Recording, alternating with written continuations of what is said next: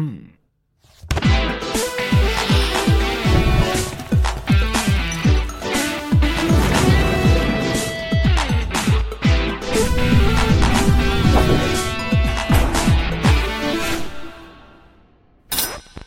Odjenuo sam kožnjak Hein Gerike, za koji sam mjesecima crnčio na bauštali preko student servisa – obuo kripersice s uzorkom od leopardove kože, zavezao oko vrata crvenu maramu, jače zategnuo remen hlača s mjedenom kopčom na kojoj su prekriženi pištolji, pogladio zulufe čiji mi oštri rubovi dopiru gotovo do kutova usana.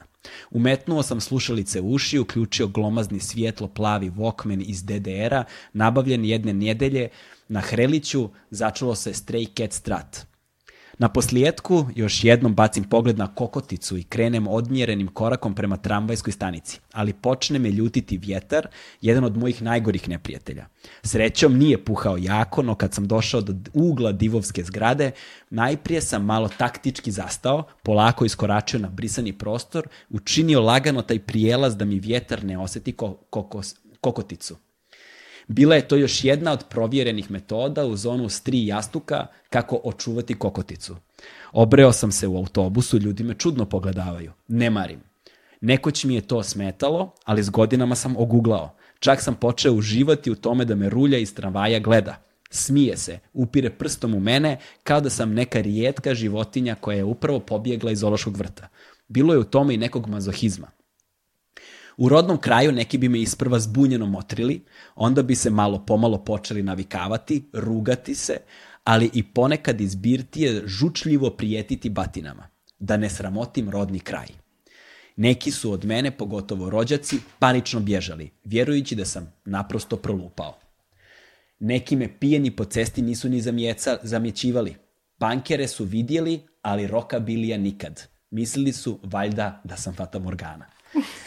Ti treba šta prevest, mladiću. ne, kokotica, da, kokotica, je kokotica je zapravo čirokana, ali tako, ona pankerska čirokana. A, e, ali ne, ne, ne ona na gore, nego kokotica ti je ona zalizana, ona rokabili, onako e, ide pa prema gore i unazad. E, to, to. Dakle, A, ovo, je, ovo je zapravo roman Blue Moon, a, jel te, Elvis Blue Moon, prema ovog um, Damira Karakaša, jednog od trenutno najboljih regionalnih pisaca zajedno sa, sa, sa e, Srđanom Valjarevićem iz Srbije i zajedno sa Kristijanom Novakom trenutno u Hrvatskoj takođe. Hrvatska književna scena baš... I šuri. I muzička, oprosti. Hrvatsko-srpska.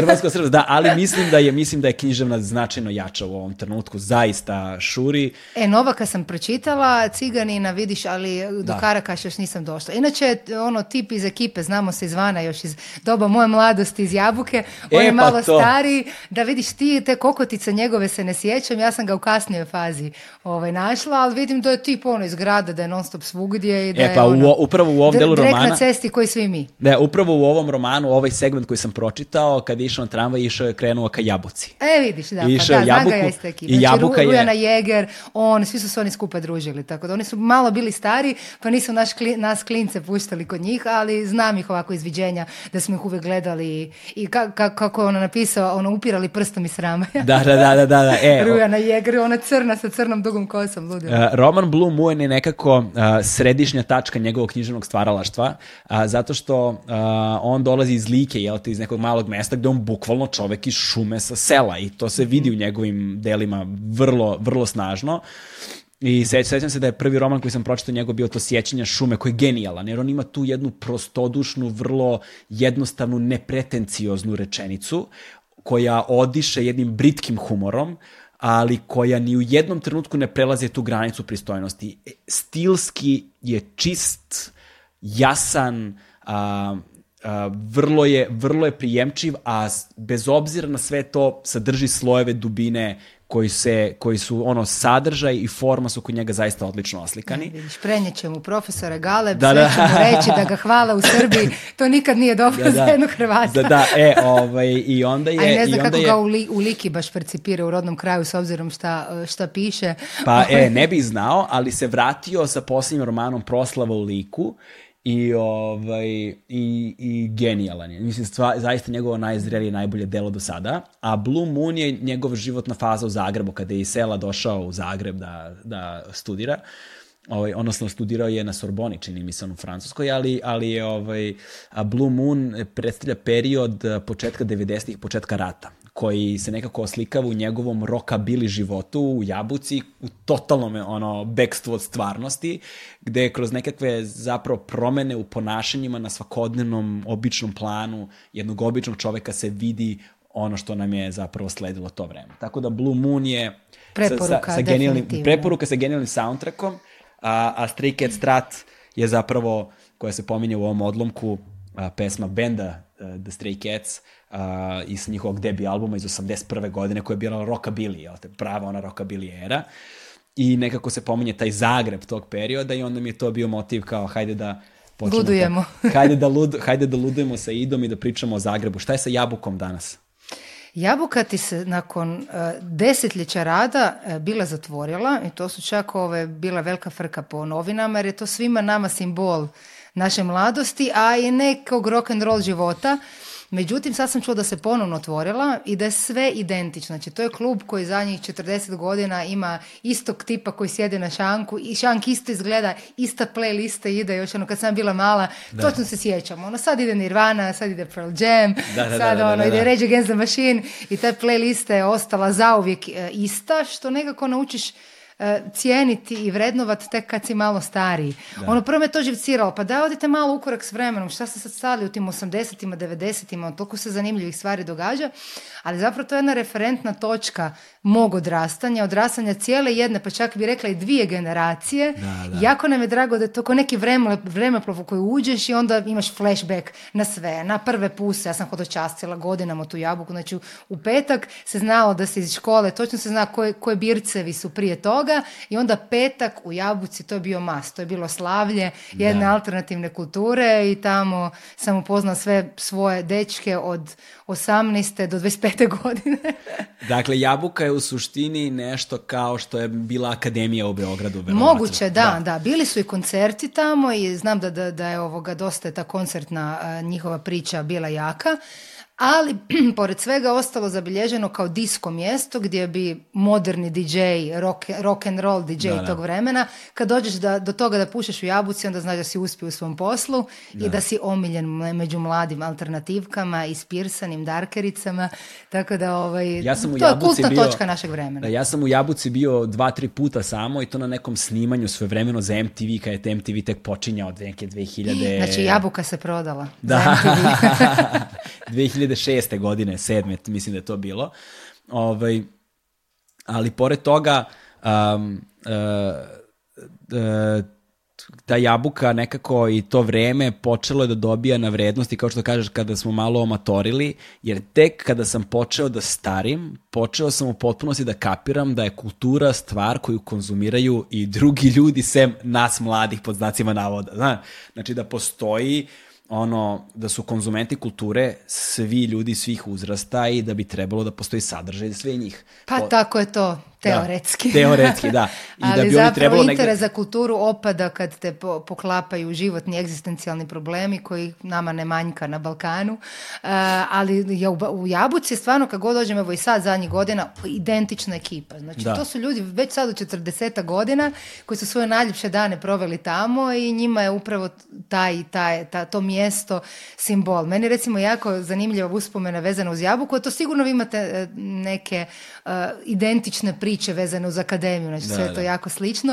Ove, ovaj, znači, postala su dva smjeta, svijeta, šminkerski i taj pankerski roll rockabili koji išu u jabuku. Potpuno A isto ta kao dva svijeta su se sudarali ispred saluna, jer ti da bi došao do jabuke koja je na brdu, moraš proći protiv šmink, eh, pored šminkerskog saluna koji je dolje i onda ti susrećiš te fino odjevene dame i mlade kao šminkere na mirisane gospodine da bi došao do gore i to se sjećam, ja sam bila u toj svojoj najpankerskoj fazi u nekim droncima, u piđama mi sva ispirsana i pripiškilo mi se da prostiš.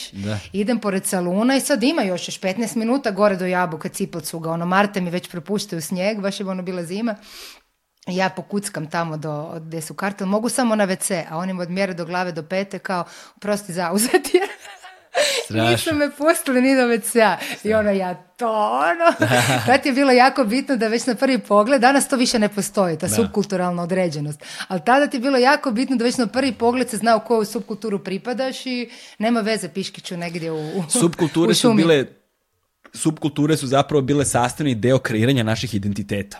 Tako je, sad to više da. nije. I onda sad su, su playliste sve to grđe. Kad da, I onda su one nosile nekakve vrednosti, nekakav sistem pa vrednosti koji si se ti identifikovao. Tako da kada nekoga vidiš u onekoj majci benda, to je mnogo govorilo o toj osobi. da, ja sam znala ovoga, si otiču ono šta, e, znaš, imaš kopiraone koji ti štampaju kakvu god hoćeš fotografiju na majicu. Onda sam ja kavere svojih omiljenih bendova, Pixies, Sonic Youth, Descendancy. Lijepo samo staviš na majicu, znam da imam ono, desetak još još tih i zaljepiš gore i onda samo gledaš ovdje okolo kao ko će te vidjeti, ko će te prepoznat i to se desi svaki deseti dan, ali si ti toliko sretan kad ti neko napravi ovako. Da, da, kad ti neko prepozna šta nosiš na majici da, zapravo. Da, jer je to zapravo cijeli tvoj svjetonazor je upisan u imenu benda koji slušaš. Da, toga naravno, nažalost više, nažalost na sreću nemam pojma, sad ne bi se kvalitativno odnosio prema tome, ali tog vremena prosto više ali nema. Ali mi možemo, s obzirom smo stariji ljudi, biti nostalgični. Tako je, tako je, tako je. Možemo biti nostalgični s jedne strane i s druge strane vezali smo se duboko za taj period, onda je baš lepo kad postoji neko mesto koje održava nekako nostalgično tu životnu epizodu zarobljen vremenski trenutak živi i onda možeš uvijek da pobegneš od stvarnosti i da shvatiš tamo kad imaš pa vremena. Pa je, to ti je naš kolačić Madlen. da, recimo tako. A s druge strane, mi smo imali vrlo sličnu situaciju. Uh, naš ekvivalent bi negde bila akademija, jel te? A imali ste, ja mislim, vi neki šminkerski Tako je, odmah preko puta akademije. To sam Zvezda. E, pa Zvezda to... je bila, da, i to je bilo... I Ali to su bukvalno bili jedni preko puta drugih. Jedni, da, jedni preko puta drugih, ono na deset metara razmaka. Još je to divno zapravo. I onda napolju zapravo su dva različita različita reda bila. Jedan totalno fancy. Jedan shiny i, drugi dark. Jedan Znaš u ti koliko ja patim što sam došla u Beogradu u krivom, mislim ne mogu reći ovo krivi period, ali definitivno nije romantičan na onaj način kako ga ja doživljam iz te neke faze kad je to nekako taj život buktio. Sad se sve nekako niveliralo i nema više razlika između... nema. Nema, nema toga. Tad je baš gorio neki bunt. Baš se osjetio bunt. Ono, kako puno pričam s ljudima o, toj, u, o tom periodu mhm. Beograda, jako mi je žao što sam Beograd prekasno otkrila. Bila sam pa, premlada tada. To je zeznuto, zeznuto je sa više, sa više aspekata. Da, definitivno, posebno 90. godina, barem... Ok, 90. su bile koma za sve, i za nas, i za vas, da sad ne ulazimo u to, to ne govorimo o tome, nego baš o tom neće nešto je bilo u zraku, što je Znaš bilo kako, jako zanimljivo. Ti možda govoriš o periodu kog se ni ja ne sjećam, jer prosto nisam dovoljno, nemam dovoljno godina da, ga se, da bih se sjećao to kulturno, da, tu smo negde, da govoriš pre svega možda o 80. godinama, o 80. godina se je kuljalo svašta, zapravo tada su se rađali prva hip-hop grupa na prostoru bivše Jugoslavije je bila grupa Budweiser koja je 86. godine odmah nakon pojave Beastie Boysa sa Ilmeric albumom imala taj Beastie Boys zvuk. Oni su ostali master demo band, jer zapravo trebalo je da objave za zagrebačku kuću Srčani Joy 90. godina, onda se desio raspad Jel Jugoslavije, nikada nisu objavili svoj album. Da, vidiš, njih nisam ispratila, da, ali oni su bili deo tog pokreta, pa, a u to vreme je bio i ono Rambo Amadeus je kretao tada, bio je užasno jako, ono, pa je onda koja je disciplina kičme, tada zeleni zubi, to se sve dešavao, to je sve bila akademija. To je sve bila akademija, to je bio KST, to je bio SKC, tu se dešavalo ludilo i bio je ceo taj ono novovalni jel te talas koji nekako polako odlazi u senku, punk je e, jač stasao znači, u Beogradu. Znači sve ono što ja volim se 80 i ranih 90-ih odvilo na Balkanu, a nakon toga se desilo sve što ja ne volim, ali se prilagođavam. Tako je. A sad da se vratimo malo na tebe, na fokus. Uh, posljednji Opet put, ja, da, posljednji, put smo se vidjeli na snimanju tvog posljednjeg spota.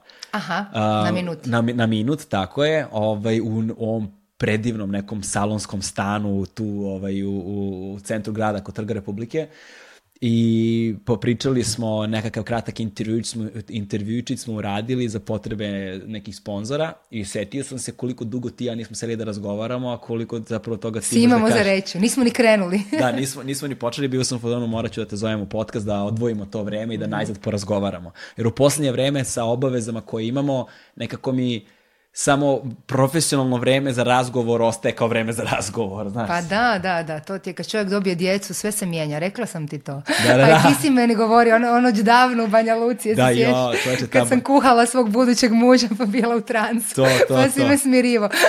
Jao, jeste, to je radili smo Banjalučki Demo Fest, uh, nekoliko godina smo ti ja to radili zajedno i to je baš bilo u vreme kada si ti raskidala staru vezu. I započinjala novu i ti si mi bio podrška. Tako je, da, sa svojim sadašnjim mužem sa kojim Tako imaš sve. Tako je, da, da. Onda si bio podrška i mom tadašnjem mužu koji isto nije znao šta mu se dešava. Ona ono, jeste, na brodu jeste, jednu noć. Jeste, jeste, jeste, jeste, na brodu. Tako da, ti si dosta u mom životu zapravo značajna figura, bio u prijelomnim momentima, zapravo vidiš što nikad nismo ni skomentirali. Da, i na vaši svadbi sam i ja napravio snimak. Jedini snimak koji imam. Mi nemamo ni fotografija, ni filmova, ništa nemamo s te svadbe, koja se nije desila osim tvog snimka na internetu. To kada je bila razmjena prstenja i kada je bio Underwood Da, i kad su svi plakali. je, tako tako je, tako je kad je bila kupovina mlade sa onom starodijom. Da, da, da, sve smo odradili po srpskim običajima, vrijeme za državljanstvo. ja sam sve snimio kao pravi srbin. Bravo, da, srpski kum. Ove, ovaj, ali hajde da se vratimo, mene mnogo više zanima sada u, za početak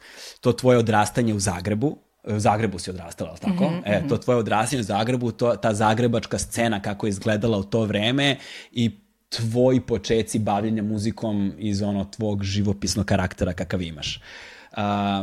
recimo, trenutno, baš sam pričao skoro sa nekim, bio sam u fazonu, koja su najbolja imena za bendove, fazon Tre, znači, onda smo bili fotografom ništa, ali logoped je vrhunsko ime za bend ili ovo ili ono sam se ja setio da u Zagrebu trenutno postoji punk band koji se zove Srbi, što je ono vrhunsko ime.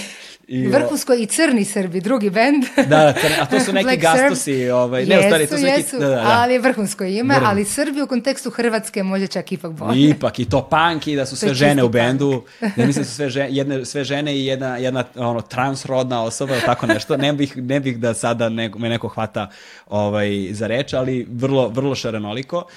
Kako je izgledao taj period? Uh, ti si tamo stasala tako nešto, kraj 80-ih, početak 90-ih, jel da? Pa da, ja sam u školu krenula 86. ili 85. tako nešto, kad je još bila Jugoslavija znači stvarno sam preživjela ono sve politički, sjećam se stvarno jako dobro ovoga, jer sam imala i familiju koja je imala razne političke stavove, neki su bili za Jugoslaviju, neki su bili protiv Jugoslavije i jako mi je ostalo u sjećanju taj period i ful mi je drago što sam to preživjela. Da. Recimo, moja, jedna od prvih uspomena vezana uz to je bila kad e, je ono već bio kraj Jugoslavije i baka se srela u parku, a ja sam možda bila prvi, drugi raz, Ja sam tek naučila čitati i pisati Ovoga, I ona je pričala sa nekim svojim prijateljima, ja sam, baka mislila sa igram, a ja sam ih prisluškivala iz grmlja. Aha i e, baka je pričala sa njim o tom kako on bio na golom otoku i spomenjali su, ne znam, neko čupanje noktiju, ne sjećam se detalja i, i mala Idica dođe u školu, školska zadačnica, ja više uopće nemam pojma na, na koju temu, ali nešto što je prilagođeno drugom, trećem razredu osnovne, a ja prepričam što sam čula od bakinog prijatelja u Grmlju. Kaos, a znaš ono kraj, raspad e, sistema, e, roditelji u školu, šta ćemo sad? I onda sam ispratila od tog momenta do obratnog momenta kad sam napisala nešto o Jugoslaviji, tipa 90. i kad je to bila strašna frka, jer se ime Jugoslavije više nije smjelo nigdje spominjati u bilo kojem kontekstu, kod da se taj period nije desio. Tako da ove, sam u jako zanimljivom periodu stasala u jednoj zemlji koja se odcijepila od druge i tu je bilo svakakvih ovaj, e, e, trvenja pod mostom. Kakva muzika se slušala u to vreme? E, pa vidi ovako, ja sam išla u muzičku školu i to od prvog razreda, tako da sam ja klasično obrazovana pa, pankerica bila. Da. Kako pankerke obično bivaju. da, tako je, tako je, da, lažne pankerke. E, I završila sam i srednju muzičku. Um, međutim, onda sam e, u srednjoj školi je počela moja ta velika bunt faza koja se zalijepila na granč direktno. Znači, um, mi smo Kla, klasična je to bila gimnazija, cijela škola je stvarno bila u martama i slušala granđ. Znači, kod nas nije bilo, bilo je možda dvoje, troje po odjeljenju koji su slušali dance, I išli u te neke dance klubove, svi ostali su Nirvana, Pearl Jam, cijela ta struja ovaj, e, je, je bila e, jako moderna. E, I iz tog granđa sam ja onda krenula na te Blue Moon slušaonice, viš Blue Moon kako je znakovito, Kulušić, koji se koji je tad još radio sad više zadnjih 20 godina je Ključ u Bravu, koji je također kultni e, zagrebački klub. E, znači, tad Kulušić, Jabuka i dalje još možda nešto bilo što nas je... Onda se izlazilo po Patovini, po tim bircima. To su sve bila isključivo... Rok je bio užasno jak u Zagrebu. To su sve bila rok mjesta, Diskordija isto tako, gdje se išlo pak srijedom. To su sve bile slašonice, rok i punk i noise muzike. Da bi onda moj sljedeći korak zapravo bio kad sam prohodila s 18 godina sa dečkom kojeg sam upoznala u Jabuci, um, sa Josipom, sa Murtera koji je bio najveći audiofil koji postoji. To je ono bilo doba CD-a kad si ih morao naručivati iz bijelog svijeta i on je, znači, ja mislim da on potrošio vrijednost dva stana u centru Zagreba samo na plastične diskove s kojima sad može Rito brisati. ali, ali ja pa mislim da mu nije žao jer, jer čovjek stvarno obožava to i on je zapravo bio ključna figura mog e, muzičkog odrastanja dalje i on me upoznao sa, znači da preras, malo tu fazu samo, ne znam, EKV-a i Azre i, i, i ovaj, Nirvane i Buša i sve cijelog tog paketa. I onda Slušao sam... se EKV u to vreme tada? O da, i Party Breakers, ali ja sam više bila na sintevima, na idolima i ja sam otkrivala tu, tu recimo New Wave i synth pop scenu, um, Via Talas i ta, cijele taj, taj e, koncept bendova. Uh, paket aranžman je tad bio užasno popularan i svi smo skakali na to i po klubovima i na kućnim žurkama i, i dosta smo bili usmjereni na taj srpsku rock, and roll scenu. E, a on mi onda otkrio dalje cijeli spektar bendova kao što su to pixies da, da. Sonic Youth, PJ Harvey, uh, ono sve što da, dalje me formiralo. kako zapravo nisu bili popularni uopšte u Americi, nisu proslavili prvu u Evropi, pa tek kasnije u Americi, oni kad su objavili svoj album u Americi, to je bio flop totalni, ništa se s njime nije desilo. Da, vidiš, moguće, ali znam da smo mi ono... Pa smo onda, znaš, eh, išli smo po koncertima, dobro, Pixis u Ljubljani, pa Fugazi nam je bio da, jedan od glavnih koncerata. Znaš, i onda smo, eh, u Zagrebu nije bilo baš ne mogu reći da je bilo puno koncerata, ali Slovenija i to neki mali gradići, tipa Ilirska Bistrica, no dovoljno ti samo jedan, jedna osoba koja ti radi scenu i koju to jako interesira i mi smo onda putovali to vlakom non stop do, i do Ljubljane i do Ilirske Bistrice i e, ono, do Beograda kad je baš bio neki koncert da. i ovaj, baš nas je muzika jako formirala.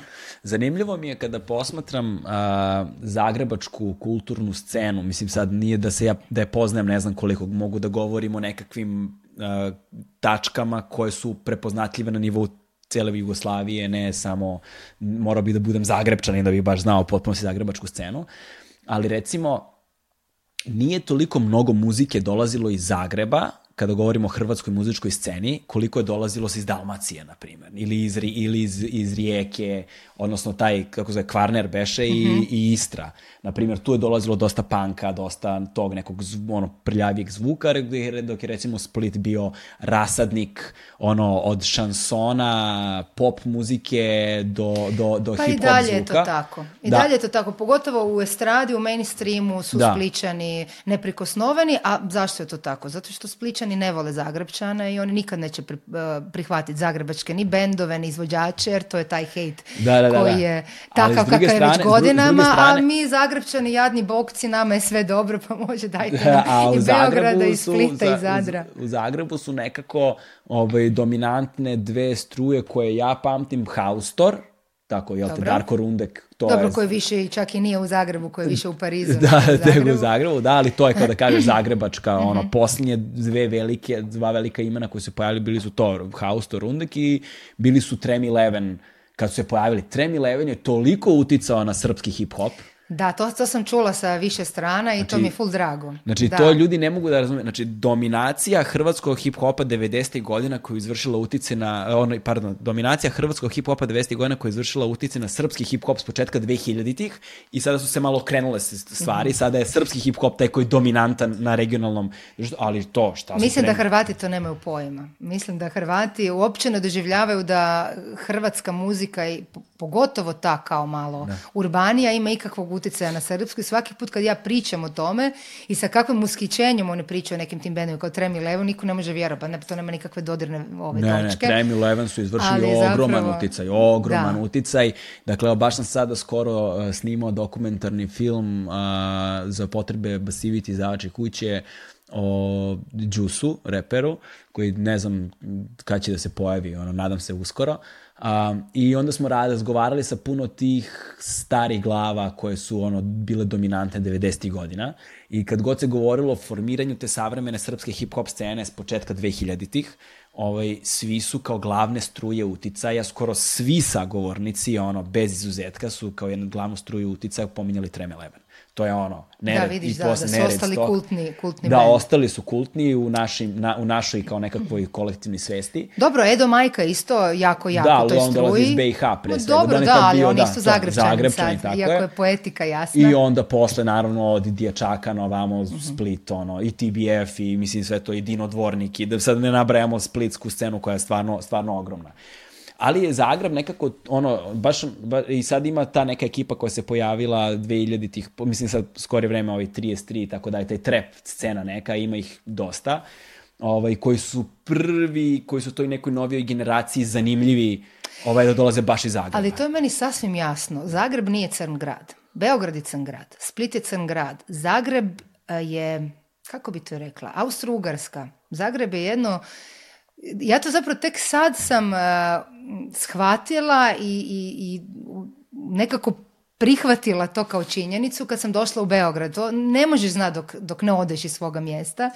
Da je Zagreb ipak jedna fina, šminkerska, blaga sredina. Zagrebčani su blagi ljudi. Ja to uopće nisam imala pojma, meni to bilo normalno, ali kad sam došla jedan taf, hardcore Beograd, pogotovo Split, koji mi je još crnji, onda shvatim da kakav je to zagrebački hip hop, čemu oni mogu repat kad, znaš ono, voze se bicikli sve više i više, biciklističke staze, pa, pa, pazi se na reciklažu, svaka zgrada ima svoje kontejnere.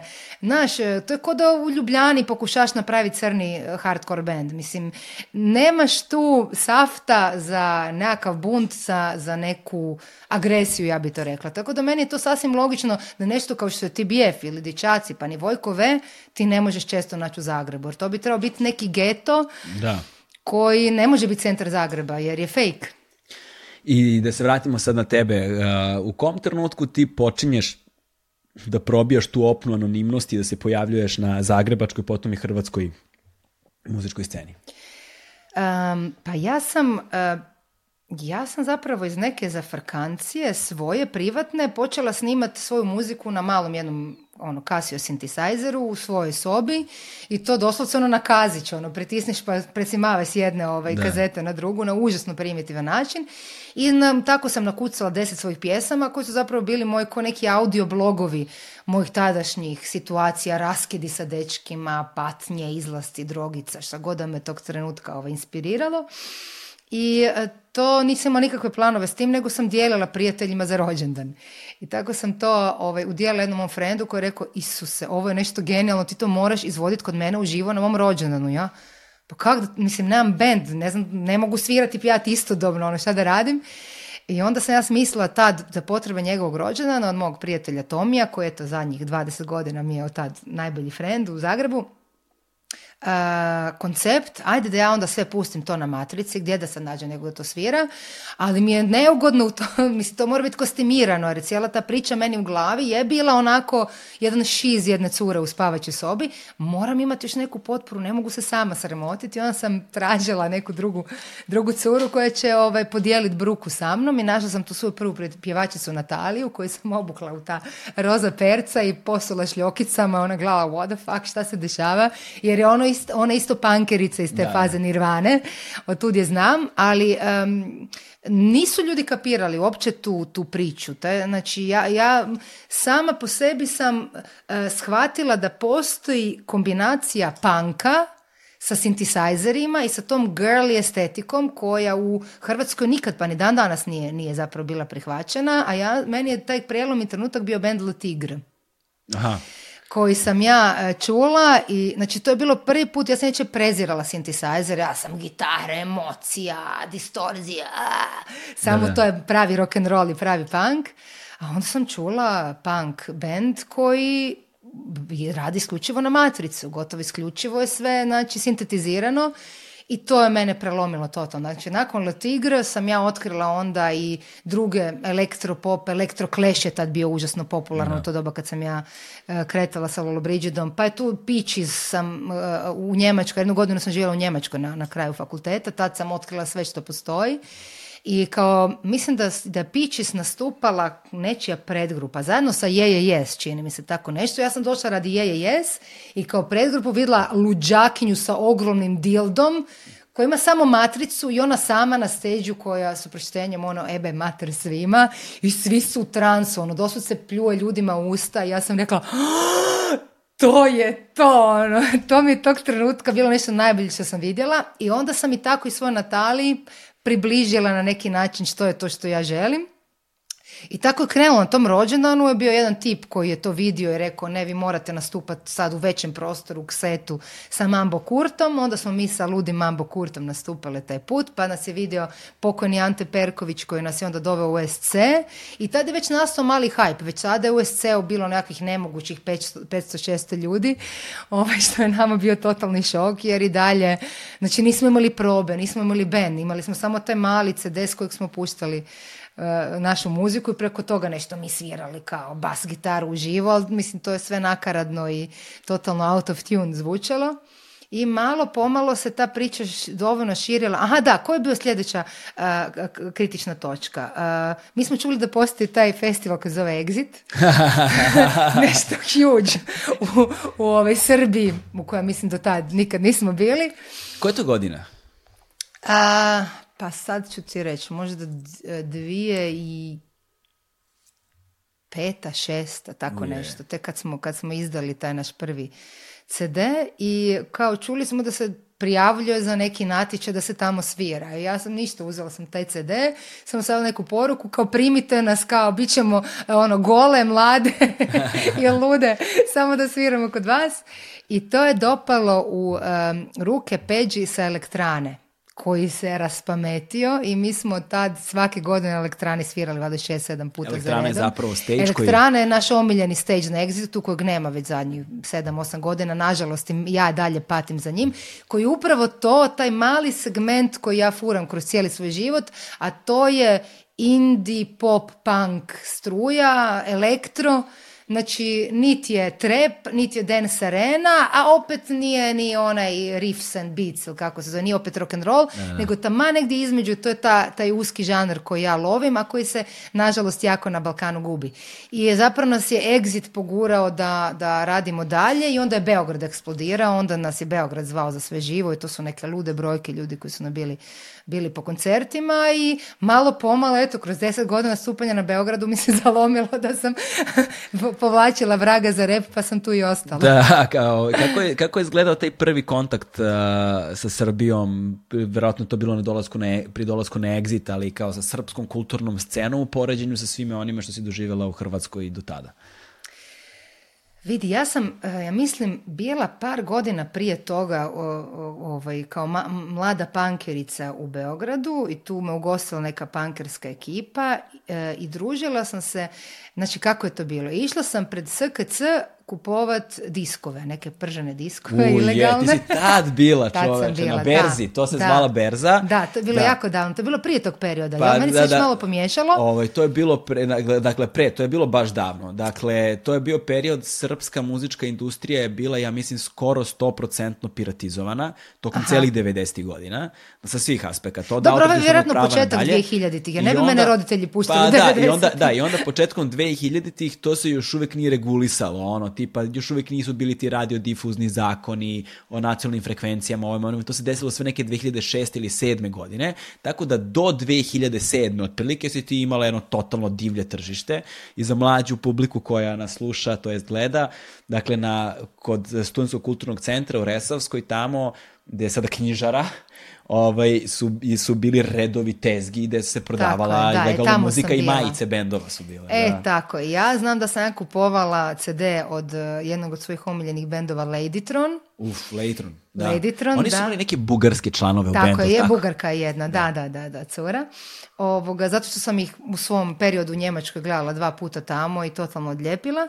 I naravno kako to biva, kad te muzika zanima i kad si tu u džiru i kad imaš kontakte s ljudima, odmah mi se naljepio moj ovaj prijatelj ovaj, kojeg sam tad upoznala, Pacija, koji je isto tako bio darker sa, sa tom nekom ovaj, čirokanom e, e, darkerskom i vidio led, o, Tron, tako sam i zapoznala počeli komunikaciju i tako on meni počeo skirati bendove, ja njemu. A tad je bio period dosta jakih i elektrožurki i žurki i Miss je tad nastupala po prvi puta tamane, mislim da bi to bilo početak 2000-ih. Tako da se ta priča zarolala i onda na sve to skupa se zaljepio i moj bend i odlazak e, na Exit prvi i cijeli taj jedan novi svijet koji sam tad otkrivala. Tad je scena bila jako zabavna. Tad su bili klinci, to je bilo prije nego što je ovaj, nastao naziv hipsteri, da. ali su bili hipsteri. Da. Znači to su ti bile ono totalne uh, lude curice, blesave sa nekakvim zaljepljenim ono od vece papira na glavi do novčanica po sebi, do gumbića, šljokica, trpali su, ono, ljudi su baš bili hodajuće instalacije i žurke su bile jako zabavne, zanimljive i znam ti afteri su bili hilarious, to su ko, neke predstave, ko neke brutalne, groteskne predstave živo koje gledaš, u koje su svi pozvani i svi u njima učestvujemo, tako da ovaj, predivan mi je to bio period. Mislim da danas klinci ne briju na taj način. I to je zapravo bilo to. da je tada bila duh tog vremena. to tek sa odmakom. znači ko što sad mogu pričati o Zagrebu, sam se maknula.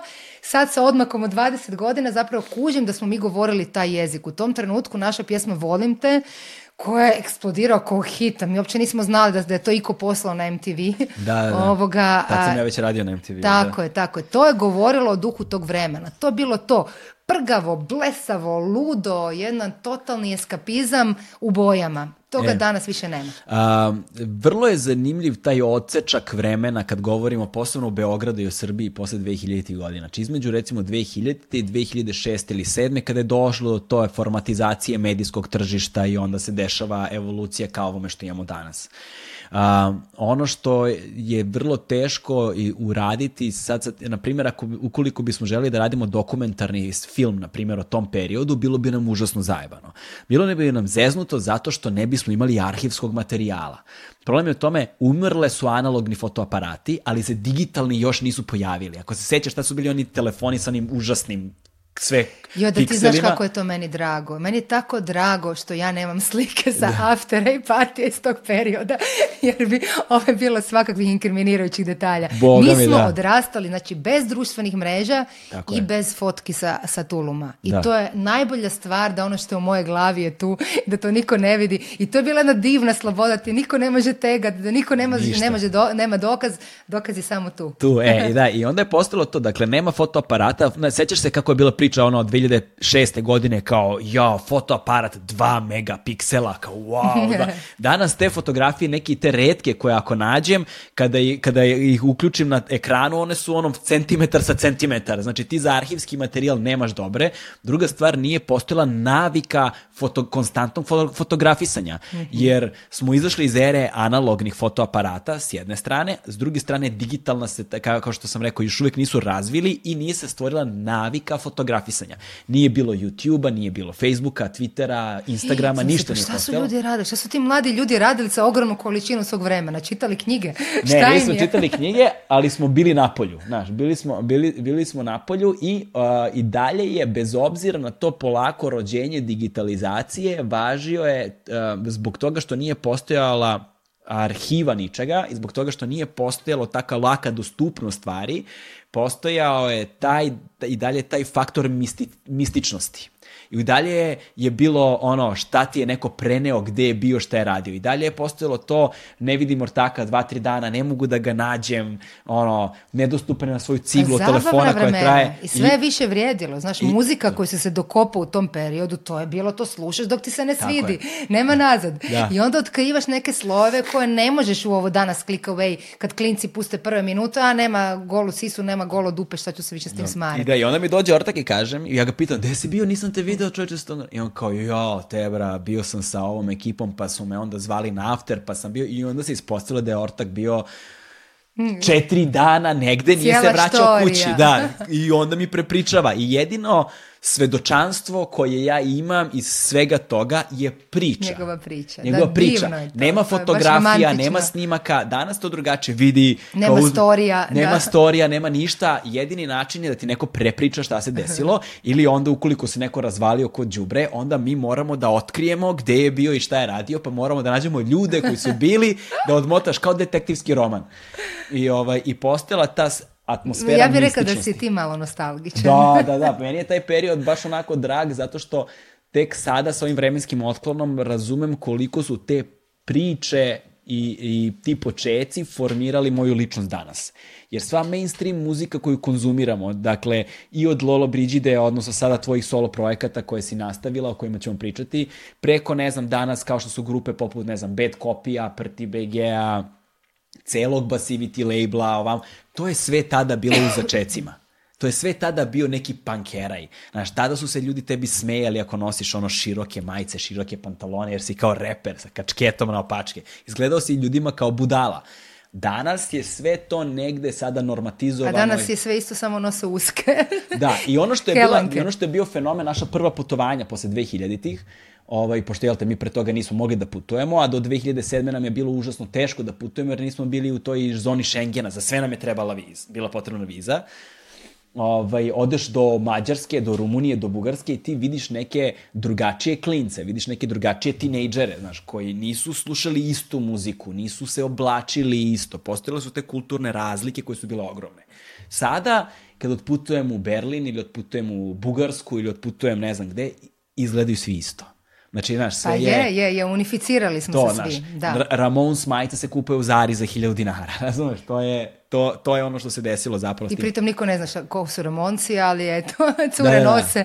Nose majice bendova, ne znaju, pustiš im pesmu, ne znaju šta je. Dobro, ali dobro, mislim, ne bi A Pa to je znak te kulture i to, eto, neka, ima svega, pa nek si svak bira što hoće.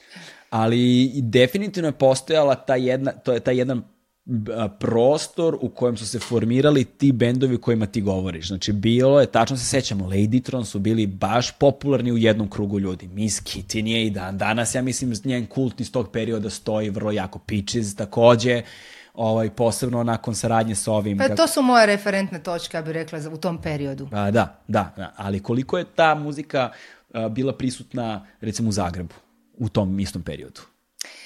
Pa manje manje, znaš, ovaj, e, postoji ipak razlika između, između Beograda i Zagreba i to ja vidim kroz svoje bavljenje muzikom. Kako bi opisala tu razliku? Pa, znaš šta, e, prvo što se tiče mainstream, neke te estradne ovaj, scene, Estrada je puno finija i kultiviranija u Zagrebu, to da se razumijemo. evo, evo, sme, sme sortaci ovdje, svima nam je jasno. Pa mislim, ne znam kako da to sad politički korektno kažem, ali Stvarno, stvarno je tako i to se sve uvijek drži na neka finoća, nivo. Osnovna razlika među Zagreba i Beograda što i u Zagrebu imaš narodnjaka kako god hoćeš i sad ono ljudi misle da ja sad tu nešto kenjam jer svi znaju koliko se narodnjaka sluša i ja to znam, ali Hrvati žele ispost fini. Pogotovo Zagrebčani, oni to ne žele priznat da Čirilice, ono, da gori zemlja od Čirilice u Zagrebu i zato ti u medijima i na festivalima i na radijima i na televizijama tu se drži neki nivo i to sve mora biti jako upeglano i to mora biti sve uh, Rajko Dujmić, Zrinko Tutić, to mora biti splitske večeri i slično. Um, baš ta pankerska struja bi rekla da je i ta muzika koja je nabrijana, koja je žestoka, koja je tvrda, je sigurno će naći na plodnje tlo u Srbiji i u Beogradu. Jer jednostavno Beograd takav grad. Ali to je odmah bilo tako. Pa da, nema, nemaš ti u Zagrebu ni, e, kako bi rekla, punk nije uhvatio takvo korenje kao kao, kao u Beogradu, definitivno. A s obzirom da je moja muzika uvijek koketirala sa punkom, uvijek to bila neka divlja energija, ja sam iza Zagreba bila predivlja. Da, da. Tako da moja neka kaputanja je puno više... ovdje e, si bila taman. ovdje sam bila taman. Kao slatka i hrvatica, a opet ima... da, ovaj, fore, fore u tome što kada posmatraš eto i muzički gledano, recimo 70-ih, 80-ih na ovamo, tebi je uvek taj talas koji je dolazio iz Hrvatske, pop muzika je uvek bila kvalitetnija u Hrvatskoj, de facto. Pop muzika je uvek bila kvalitetnija u Hrvatskoj. Dobro, da to nisam sad ja rekla. Da, da, dance muzika je isto takođe dolazila, mislim i čak taj talas turbo, ne, neću kažem turbo folk, ali tog turbo densa koji smo imali 90-ih, ja mislim da je on započet sa ETM koji je hrvatski bend, jel tako? Mislim da su oni prvi to, možda grešim, ne držite me za reč, ali mislim da su tu negde, začetnici toga.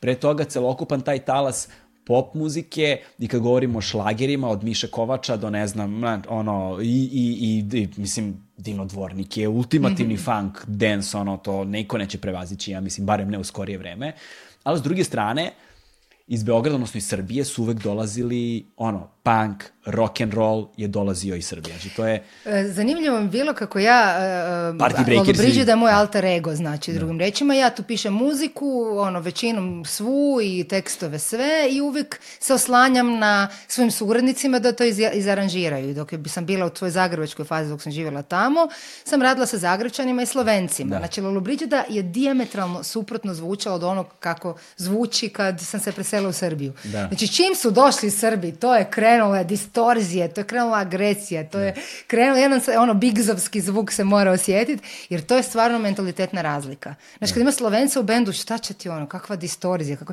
to su sve eterični sintevi, tralala, šalala, 80. melodice, što isto ja volim. Da. Ali naravno čim su došli Srbi, osjeća se taj patos Beograda, koji je ovdje, ja bih rekla, na nekakvoj čak i Eh, fetišističkoj eh, razini. Znači, ja sam to shvatila kad sam došla ovdje da i to i siromaštvo i to nasljeđe 90-ih i taj neki otpor i prljavština da to ljudi doživljavaju ne kao neku manu, čak bi se trebali riječi, nego da upravo to im je taj drive, na to su ponosni i to izvlače kao neki, neki svoj stil po, života. Postala je stilska odrednica s jedne tako strane, je, tako a s druge strane to je vrlo lepa paralela u razgovoru sa Tijanom kada, kada je bila ovde, ona mi je rekla, pošto ona sad nastupa svuda po svetu, i kaže, i tek kada, kaže, kada sam otišla u inostranstvo, shvatila sam koja je to forma beogradskog klabinga. Sad ona govori o elektronskoj muzici.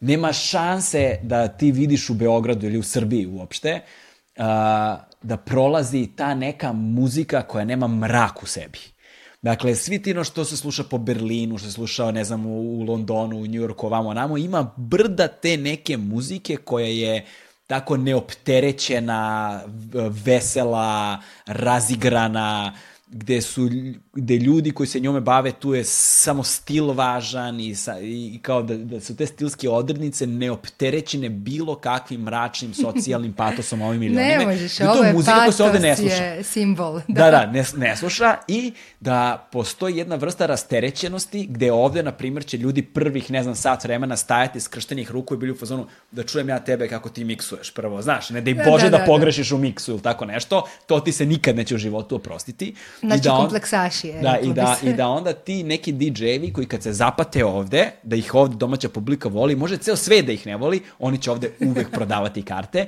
a neki koji su možda u svetu popularni ovde neće prodati ništa. Nema Specifično smo tržište. Balkan je jako zanimljivo mjesto i meni je, kogoda ga mrzim i prezirem, s druge strane mi je jako drago što sam rođena ovdje, jer je jezivo zabavno. Ti samo da gledaš te mentalitetne razlike, te specifičnosti, te patologije neke i društvene i naše same, mislim, to se odnosi na nas same, koliko smo mi psihički sjebani, to je užasno zanimljivo. Tako da porati ono se... ovo da priči sa raznim ljudima da, koji imaju e, razne observacije. I ono što se meni, što, što sam ja lično primetio putujući, jel po, po regionu, na festivalima prvenstveno, primetio sam da jedna od osnovnih razlika, barem govorimo o alternativnoj sceni, sad šta god alternativna scena značila i naravno čast izuzecima, ima ih pregršt koji mogu da ospore ovo što govorim, ali kada bismo nekako nefer odnosom đuture sve posmatrali, a, u, u Srbiji je zbog nedostatka novca, budžeta, kažem, tog siromaštva i različitih utjecaja, sad, da li samo zbog toga? Ne, naravno, samo zbog toga, ali je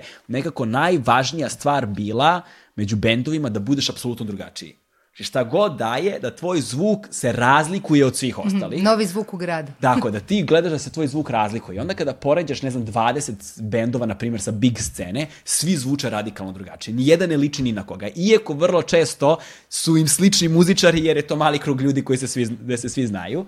Dok s druge strane, ako bi na nekom hrvatskom festivalu, recimo kao što je Teraneo bio ili tako nešto, okrenula leđa Bini i slušala bendove, ti u jednom trenutku prestaneš da praviš razliku među bendovima. Produkcijski zvuče odlično, stilizovani su svi vrhunski, i imaju taj... Nekad, na hrvatske bendove. Da, na hrvatske bendove imaju taj...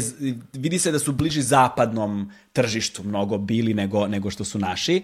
Ovaj, I nijedan, kažeš, nema mrak u sebi. Ali, ali nema nekako nijedan da se izdvoji. Nema, nema jednog repetitora, na primjer, tamo. Ma ili, ne, ili goribora, da, Da, ne, da, teško je to. Znaš, jednostavno nije, nije takvo podneblje i nije takva tradicija. Jednostavno, nije se to odgojilo. Ta vrsta bunta nije, nije stasala. Mislim, ali s druge strane... Ima, ima bendova kao što recimo Vlasta Pop i slično koji jesu na tom tragu, ali njihov i dalje doseg je jako mal, pogotovo u nekakvom malom većem, većem kontekstu. jednostavno Hrvatska nije tržište za to. Ali s druge strane, evo imamo sve Mirka sada, tako je, koji, je eksplodirao, da. Eksplodirao, ali opet je to neka ju nostalgija, je. Pa je, je, je, ali je užasno drago što... Ja sam već na neki način i odustala od klinaca da njih išta zanima što je van tog tvog mainstream trepperskog, hip-hopperskog žanra i jako mi je bilo drago kad sam vidjela da je mirko uspio dobiti klince. Znači klince koji žele nešto drugačije, koji ne žele više ono opasne ribe, cice, aute, kola, guči, tamagoči, šta već ono, glavne inspiracije tekstova. A, tako da, znaš, možda i ja na neki način i mi kao stariji prelako otpisujemo te klince. Možda njima samo, evo i Buč Kesedi su pravi primjer koji su uspjeli isto tako omladinu dignuti na noge. Treba ih samo ubost sa nečim i treba im dati neku priču. Pančevo je zanimljivo žarište. Sad postoji ceo novi talas pančevačkih gitarskih bendova koji zvuče odlično, imaš ljubičice su takođe u Pančevu, da. Bučke Sidi su tako Pančevo, pančevačka scena sazreva, možda prisustvom Nikola Jovanovića tamo, ne, tako za, je, za, kao ovaj- dobrog duha. kao dobrog duha, pozdrav za Johnny, a bit će i on gost u podcastu. Ovaj, E, ali ono što mislim da je zanimljivo u svemu tome, gde mislim da tvoja vrednost danas je veća nego ranije, je činjenica, sad ću možda biti malo dosadan, ali i dugo sam u ovom poslu i onda sam počeo da primećujem matrice koje se dešavaju. Mi zapravo nikada nismo imali relevantnu top listu. To je vrlo važno da se pomene. Na prostoru uh, Srbije od tamo drugog svjetskog rata na ovamo, bukvalno, nikada ni jedan jedini put nije postala tržišno relevantna top lista na osnovu prodaje. To je prva stvar. I druga stvar je... čega? muzike, govori muzi, muzi, znači nije bila, objedinjena, nije bila ono objedinjena top lista, nije bitno da li si narodnjak ili pop ili elektro ili gitara ili šta god, prosto muzika na osnovu meni, prodaje. da, prodaja i muzika mi toliko u glavi ne ide, meni, ja toliko sve dajem za džabe i toliko ni ne očekujem da, će ikad išta zaraditi od toga, da mi je uopće bio čudan taj, taj pojam, ali da, sa da ono da će to sve naravno Prvo, nikada to nije postojalo. Druga stvar koja je bila problematična ovdje jeste zato što su se izdavači kuće uvek vezivale za medije. I odnosno medijske kuće su imale svoje izdavačke kuće i samim tim su bili direktno u sukobu interesa. Jer kada prave top listu, prva stvar, ako nemam listu prodaje, kor pravi top listu. Uvijek su neki urednici koji imaju neki svoj stav, je ovo je popularno. Da, imaju neke svoje lobby grupe, imaju svoje kontakte. A druga, a druga stvar je, a druga stvar je imaju svoje izdavačke kuće i onda ide favorizovanje bendova na tvojim izdanju, a negativna se selekcija prema onima koji nisu na tvom izdanju. I onda se prave mali ekosistemi gde svaka televizija ima svoju top listu ili radijska, radijska kuća. Znaš, i onda RTS ima svoju, Pink ima svoju, B92 ima svoju i ni jedna se ne preklapa. Znaš, ni jedna nije, nema čak ni dodirnih elemenata, radikalno su drugačije i sa nepostojanjem zvanično formiranog mainstreama ti ne možeš ni da imaš jaku alternativnu scenu, jer u odnosu na šta je ona alternativna kada nemamo jasno definisan pop. Tek sa ovom digitalizacijom dešava se rođenje tog pravog mainstreama. Da kaže, e, ovo je de facto mainstream i niko ne može da porekne, sada je to crno to ljudi Vole, Ali zbog tog mainstreama koji je jedan, sada se rađa odgovor na njega sa autentičnom emocijom. A ta autentična emocija je tačka povezivanja svih tih malih autohtonih grupa unaokolo i zapravo posledica jakog mainstreama je rođenje alternativne scene u kojoj su i Butch Cassidy, u kojoj je i Svemirko i tako dalje, gde je i elektronska muzika paralelno i ovo i ono i gde je sada pozicija tu ljudi kao što si ti koji imaju pregršt iskustva, znanja i dalje tog Stvarala žara, žara jel te, da, da rade stvari gde, gde, ćeš sa, gde sada možda na jedan sasvim drugačiji način imaš neku novu iskrenu publiku. I to je ono što mislim da je prava vrednost eh, novog tržišta koje je stasa, jer klinci danas slušaju neopterećenu muziku, bez značenja koje je nosila ranije. Znaš, ono sad ima sve na streamu i onda je tu i tehno i narodnjak i rep i sve i sve podjednako utiče. Tako da su žanrovske odrednice već on off. mrtve, to sad više ništa nije bilo. Da, to je pa da, boli. To je totalni, totalni, totalni Ili im nešto prolazi ili ne prolazi, da, da. Ali zanimljivo je kako zapravo doći do te mlađe generacije, jer oni ti uzimaju paket, znaš, nije sad ti više da će on, znaš, da si ti neki anoniman autor. Oni sve znaju o tebi, dovoljno samo to na Instagram profil i vide me sa dvoje djece na Instagramu, ajde čao pa, veteranko. E, to je tema koju smo dodirnuli prošli put kad smo razgovarali, o kojoj sam želeo isto da pričamo jer mi je baš zanimljiva, to je da li misliš da se konzumacija kulture promenila u odnosu na sad te društvene mreže? Dakle, tvoj model promocije Uh, o da, apsolutno, to je diametralno suprotno. I sad ima toliko puno više posla da ne znam šta nam je to trebalo. znači ja kad sam bila na početku, ono daš jedan intervju mjesečno, fotkaš se jednom, pošalješ negdje, ti si odradio posao. Nema više šta, ostalo diskografi rade za tebe da to malo šibaju po radio stanicama i, i ti ni ne možeš više i da hoćeš nemaš šta drugo raditi a sada danonoćno. Slikaj se, stavljaj, odgovaraj ljudima, broj lajkove, sponzoriraj, promoviraj objave, jezivo puno više posla. Pogotovo meni koja nisam samo muzičar, znači ja sam vam milijardu drugih stvari i sa tim drugim stvarima ti jedini način, s obzirom da su mainstream mediji kak, kakvi jesu, a bi pričali smo i prije ovog podcasta, naš to slično, ti jedini način kako ti možeš promovirati stvari koje radiš je kroz svoje kanale. I što više ljudi imaš na svom kanalu i što im zanimljive informacije pružaš, to će ti zapravo i oni biti odani i konzumirati tvoje sadržaje. Ali to zahtjeva da si ti 24-7 prvo njima na raspolaganju, Pogotovo ako želiš imati nekakav takav kontakt, ja na svaku poruku, znači na sto poruka dnevno odgovorim, pa makar sa smajlijem. I ako hoćeš biti zanimljiv, ako hoćeš im davati nešto što, što njima, njih inspirira za život. A to je moja, moja, moja funkcija. Znači, Šta, kada, ti, kada ti na kraju nedelje izađe onaj uh, screen time na telefonu. Koliko... Ne gledam to, ja, to je strašno, da. To je koliko koliko sati je? Ovaj... Brutalno puno, brutalno puno. meni, je, sad baš, ovaj, uh, kad sam dao otkaz na poslu, uh, prošla je jedna nedelja, tačno i sad u nedelju sam ovaj, pogledao, izašao mi taj screen time i kaže your screen time is down 78%. Kao, i, sada mi je, I mi je manje od jednog sata dnevno mi je e, Bravo, prosek. zato ti stigneš čitati Karaka i Novaka.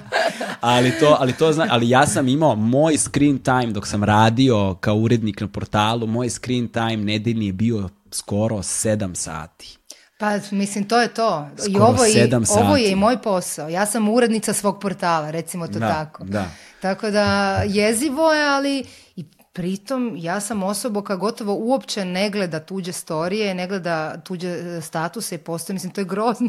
to ono zvuči narcisoidno, ali ja jednostavno za to nemam vremena. Ja se bavim samo sobom.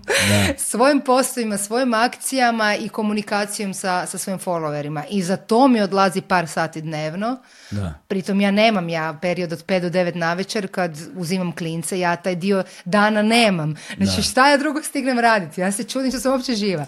Jer toliko taj moderni način života te siše, a pogotovo ako se baviš nekakvim takvim javnim poslom, Eto, ja imam jednu jedinu prijateljicu, samo tu osobu znam iz Zagreba koja nema ni jednu društvenu mrežu, niti je ikad imala, ja tu curi skidam kapu. Ona je jedina bila pametna od svih nas. Ali kako se živi danas bez toga? A ona se bavi arhitekturom, ona radi u arhitektonskom studiju, ona dobije svoj projekt na kojem radi, ona nema potrebu se ni hvaliti niti e, komunicirati s drugim ljudima osim telefonom koji su joj prijatelji, ali to je drugi tip ličnosti, znaš, ona je živi u tom svijetu poprilično introvertno, ja sam ekstrovert, ja želim znat šta nepoznata osoba, to je grozno, možda je to neka patologija, ali ja želim znat šta nepoznati ljudi misle o tom što ja radim. Jel čitaš komentare?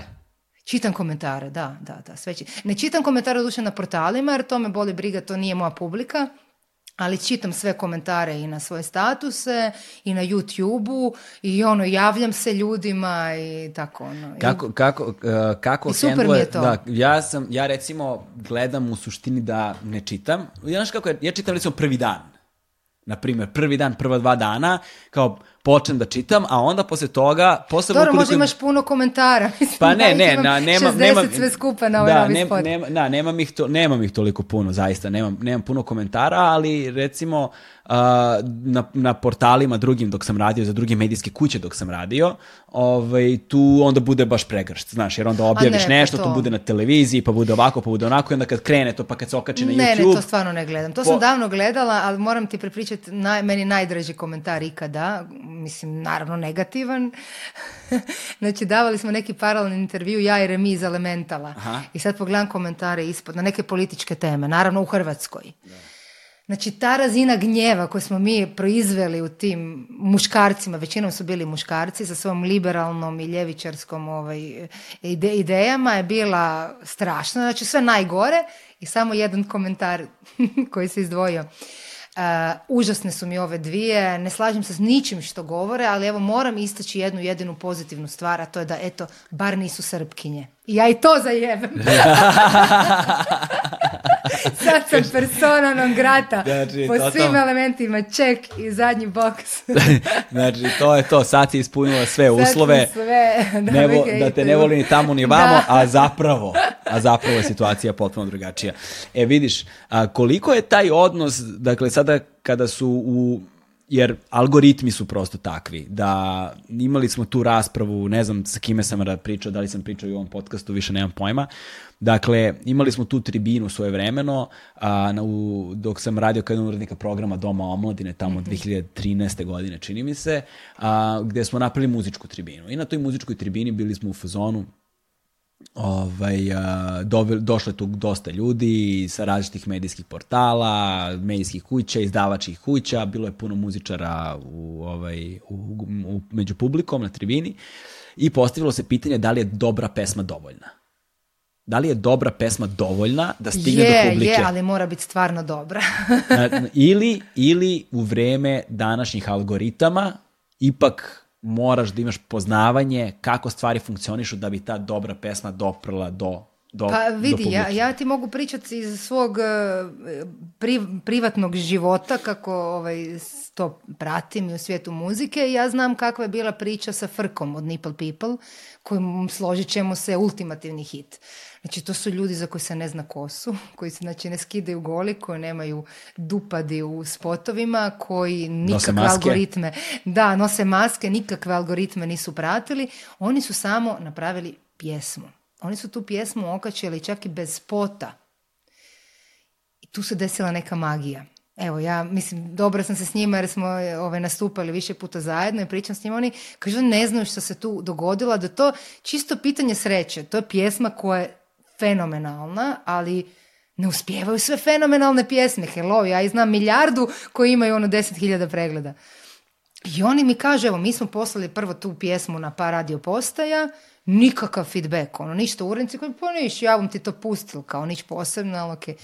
I onda vada se desi neki ne, ne, naš, ono, neki jackpot ono, u, mm. vremenskoj lutri i vada to je neki urednik sa jačeg radija čuje, pa se to njemu jako svidi, pa to krene maltretirati, pa onda neki drugi urednik i to capo, capo, capi, ti danas imaš ljude koji slušaju cajke koje ono sjeku vene na Krleušu, koji sjeku vene i na People frku, a oni, znaš, ono, ni luk jeli, ni luk mirisa, ali totalno zatečeni tim Ali možda je to pa. pravilo, možda je to izuzetak koji potvrđuje pravilo. Ja se slažem. Znaš. Možda... Ali ja obožavam te izuzetke i ja samo računam na te izuzetke da. u svom životu. E, ali vidiš, Jer taj izuzetak je bio sa Volim te, to je pjesma koju sam mislila na YouTube, nismo ni znali da neko posao na MTV, nismo ni pratili, da mu neko kaže pa imam milion pregleda, kakvi milion, nisam uopće znala da, da ono, na YouTube nikad nisam ni vidjela jer sam bila u svom svijetu totalno analogna osoba i desi se da se pjesma zakači, da neko se u tom prepozna i to jednostavno krene neka lavina i stvori se neki hajp i ljudi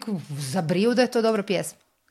Um, I sada u toj promociji e, koliko ti uspevaš da napraviš granicu između ovo je moj privatan život, a ovo je posao koji radim. Da li uopšte ta granica postoji? Puh pa joj, znaš šta, jako ti je vague to danas, znaš. Danas nema više to ono što je bilo prije, e, ono, Vorholovski 15 minuta slave, svi će dobiti svoje... Nije, svi danas su slavni. Svi danas objavljuju slike svoje djece, svi danas objavljuju slike svojih cucaka i svoje hrane. Jednostavno, mi smo razotkrili u društvenim mrežama tu potrebu ljudi da budu prisutni. To nisu samo neke sponzoruše koje se prijavljuju na farmu i zadrugu, to smo svi mi. Mhm. E sad, gdje je tu moja granica? Meni već sada ljudi kažu, čekaj, ako se baviš muzikom, pa zašto ti sad vodiš za, tribinu o zagađenosti vazduha i sad će te vezati u sto i onda će se zaboraviti da ti imaš novu pjesmu Minuta ili zašto pokazuješ svoju djecu kad to nije seksi, mladoj ekipi koja te gleda. Mene za to boli dupe. Ja jednostavno svojim cijelim paketom dajem neku poruku i neke svoje vrijednosti koje se protežu i kroz moj privatni život i kroz gazderobu koju podržavam i kroz ekološke principe koje guram svim sredstvima i kroz muziku koju volim i to ne, to, to sam ja i ja to e, bez ikakve zadrške osim naravno kad sad neću ono prikazivati muža dok kaka jer bi me ubio.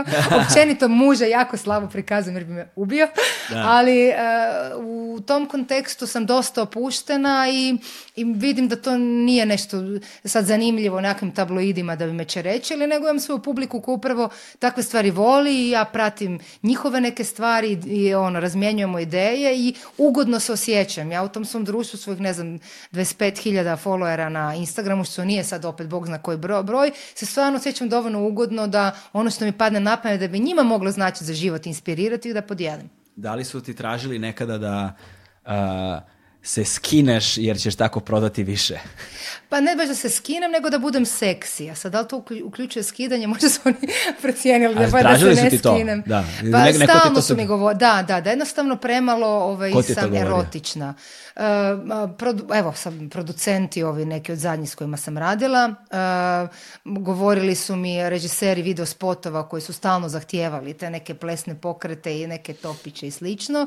Stalno se to preteže. I prijatelji, evo, evo baš e, danas imam fotkanje za jedan E, modni časopis i sad kažem svom frendu, sad ću obući neke široke hlače, kaže, ne, dosta mi je više tih tvojih džakova na tebi, daj, budi malo seksi. Nije sad to, znaš, ni s lošom namjerom, niti to sad nešto, bog zna kako revolucionarno, ali definitivno e, ne koketiram sa seksom dovoljno koliko se vada očekuje od nekog ko se bavi tim poslom. Jednostavno ne osjećam to kao neku temu važnu za sebe. Obožavam vidjeti, ne znam, kako, evo, kad je u Lobriđeti, je trebalo nešto seksualno reći, ja to ne bi mogla reći, nego bi Unu iz Bičarki na travi, Unu Senić, da to od, od repa ili od pjeva umjesto mene, jednostavno nemam otvorenu tu čakru u javnoj sferi. Eto i Bičarki na travi su fenomen s tog početka 2000 Apsolutno, jedan od mojih najdražih fenomena, ja kad sam to čula da postojem se toliko zaljubila da sam ih zvala i da budu s nama na promociji i Unu da nastupa s nama na svakom egzitu. Znači to je bilo to, to su bile cure s mudima kakva ja nikad nisam bila jer sam ja Zagrebčanka.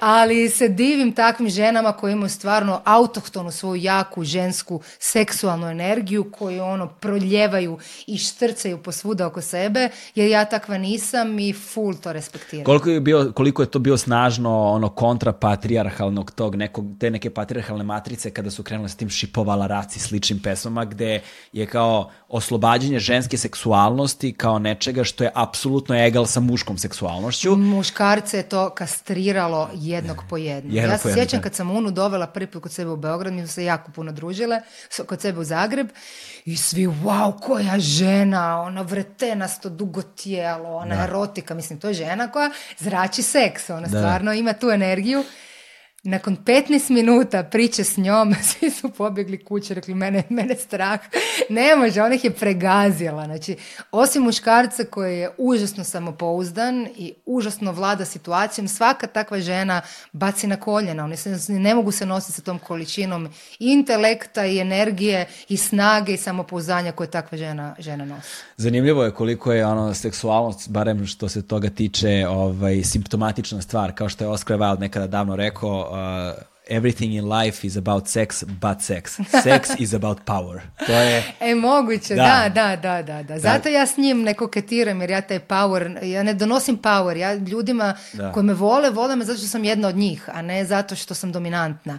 A većina pop zvijezda danas su, tu, su domine, zato što su to neke Rijane i neke Madone kojih te stvarno strah. I onda se nađem s njima u tramvaju bi pobjego.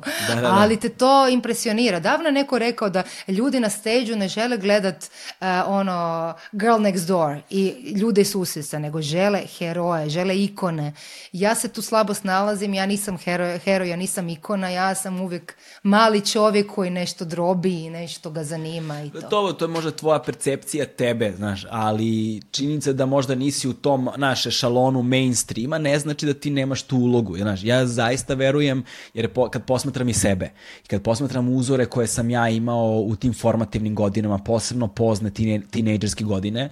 A, moji uzori isto tako nisu nikada bili ogromne, nisu bile ogromne mainstream njuške, znaš. I negde je velika privlačnost granđa recimo kao što je Kurt Cobain, je upravo bila velikim delom njihova stidljivost i povučenost. Kojih je, na koncu i došla glava. Pa da, je upravo, bio, upravo bila ta ranjivost neka koja im je davala ljudsko obličje koja im je davala tačku identifikovanja da si ti mogao da budeš u fazonu jebote ovaj lik kao ja, odnosno ja bih volao da budem kao on. Znaš, e, sada ne znam kako je to bilo sa, sa ženskim figurama koje ne znam koliko su bile prisutne paralelno kao što su muške bile u tom periodu. Pa, to ti je ta priča. Žene su uvek bile većinom seksualni objekti. E, I pa uvek se ih se, znaš, objektiziralo u kadru. Nisu one bile, znaš, subjekti u piđamama koje samo imaju svoju poruku, nego to je što ja osjećam stalno pritisak. Ti stalno moraš biti hot. Ti si ipak žena, budi hot. Ti si ipak žena, stavi crveni karmin. I ja to slijedim. Ja sam danas došla sa minđušama i sa karminom. Znači, rijetko ko ima tu snagu da se izvuče i da, i da bude Kurt Cobain. Pa da, znači, to su opet... To A su, i on kažem, je farbao kosu. Da. e, ali kažem da su toj, na toj alternativnoj sceni se ipak dešava e, jedno kulturno stvaranje, odnosno stvaranje kulture koja je višeslojna i koja a priori zahteva slušaoca koji traži više sadržajno, sa nekakvom idejom, temom, ideologijom, sa nečime da prosto bude tačka identifikovanja kroz koju će se formirati kao osoba. I onda taj broj ljudi, čim su zahtevi veći, broj ljudi se proporcionalno tome smanjuje, jel te? Tako da publika jeste možda manja, ali je publika zahtevnija. A ta publika koja je zahtevnija zapravo traži više, a to više što traži je upravo ono što ti nudiš. Dakle, ti ne nudiš na prvu loptu seks simbol, izvolite grudi ili šta god, kao da vladamo onim i opčinjavamo masu, nego ja zahtevam od tebe, dragi slušaoče, da sad ti malo se uključiš više u ovo, da vidiš šta je to što imam da ponudim, ali onda kad pronađu taj plod njima mnogo više znači, on ostaje duže sa njima. Znaš, ti ako govorimo, posebno danas ako govorimo o mainstream muzici, ako te pitam šta je bio najveći hit pre tri meseca, nemaš pojma šta je bio prošle godine, Ne, pojma je ne znam šta je sad, to pa, sam Ali, ali, ali ako govorimo o toj muzici koja nam je bila važna u formativnim godinama, sad možeš da na, i otpevaš na pamet tekst koji se naučila sa 17. a I'm still alive, znam ga cijelog. E, znaš, tako da to je vrlo uh, osetljiv period u životu, razvoju jedne osobe i zbog toga kažem da je važno da postoje ljudi kao što si ti, jer ti možda ne primećuješ svoj uticaj, ali taj uticaj definitivno postoji. Ali pa mislim hvala ti, da. Mislim primjećujem je utjecaj i užasno mi je drag, drago što imam te ljude koji su mi sad vidljivi putem društvenih mreža. Prije nisi znao, znaš ti pojma koje je pročitao neki tvoj intervju. Sad to stvarno vidiš, ja znam i poznajem te ljude i užasno mi je to veliki kompliment, jer znaš, ono, vidim način na kojem mi pišu, vidim riječi koje biraju, vidim emociju koju im stvori nešto što ja napravim i to su upravo ti ljudi s kojim bi se ja družila. Nemam vremena da se sa svima njima družim po večerama, ali to je ekipa koju ja virtualno želim oko sebe. I ono, I nose to je to. dobru energiju, užasno je važna ta dobra energija. Pa da, da, to su ljudi koji, znaš, ono, nije samo da slušaju moje muzičke proizvode ili se oblače ko ja, nego razmišljaju s tim temama, o odgoju, o o, o čistoći vazduha, ako ćemo sad konkretno ovome. I to vidim da su to isti ljudi, da oni stvarno mi odgovaraju, ne samo da lajkaju, nego odgovaraju sa, sa porukama na svaki od tih segmenata kojim dajem. Tako da nema ljepše stvari nego kad ti na jednom malom segmentu stvarno neći život možeš oplemeniti i obogatiti imaš ono, to su prvenstveno žene, da se razumijemo, na tim mojim profilima. Ja sam ih pronašla, one su moje i šta će ti više od jednog malog života nego da imaš, ne znam, 20-30 tisuća ljudi kojima eto svaki dan staviš osmih na lice. Um, vidjet ćemo kako će ovaj podcast da prođe s obzirom da je moja analitika trenutno ovaj, prilično zabrinjavajuća jer s obzirom ono tipa 70 i nešto procenata su muškarci. Stvarno, to zaradi tebe, a? da, nemam pojma. Znaš što je zanimljivo? Recimo kad posmatram svoju analitiku na Instagramu... To zato što si gej ikona, Da, da, ono. da. Kada posmatram svoju analitiku na Instagramu, već je procenat žena, a kada poznam svoju analitiku na YouTube-u, veći je procenat muškaraca. A pa zato što te muškarci slušaju, žene gledaju. Ono, ajmo sad do generalizaciju do kraja, Ajmo sad smo Žene ne zanima što imaš da kažeš. One to sve znaju same.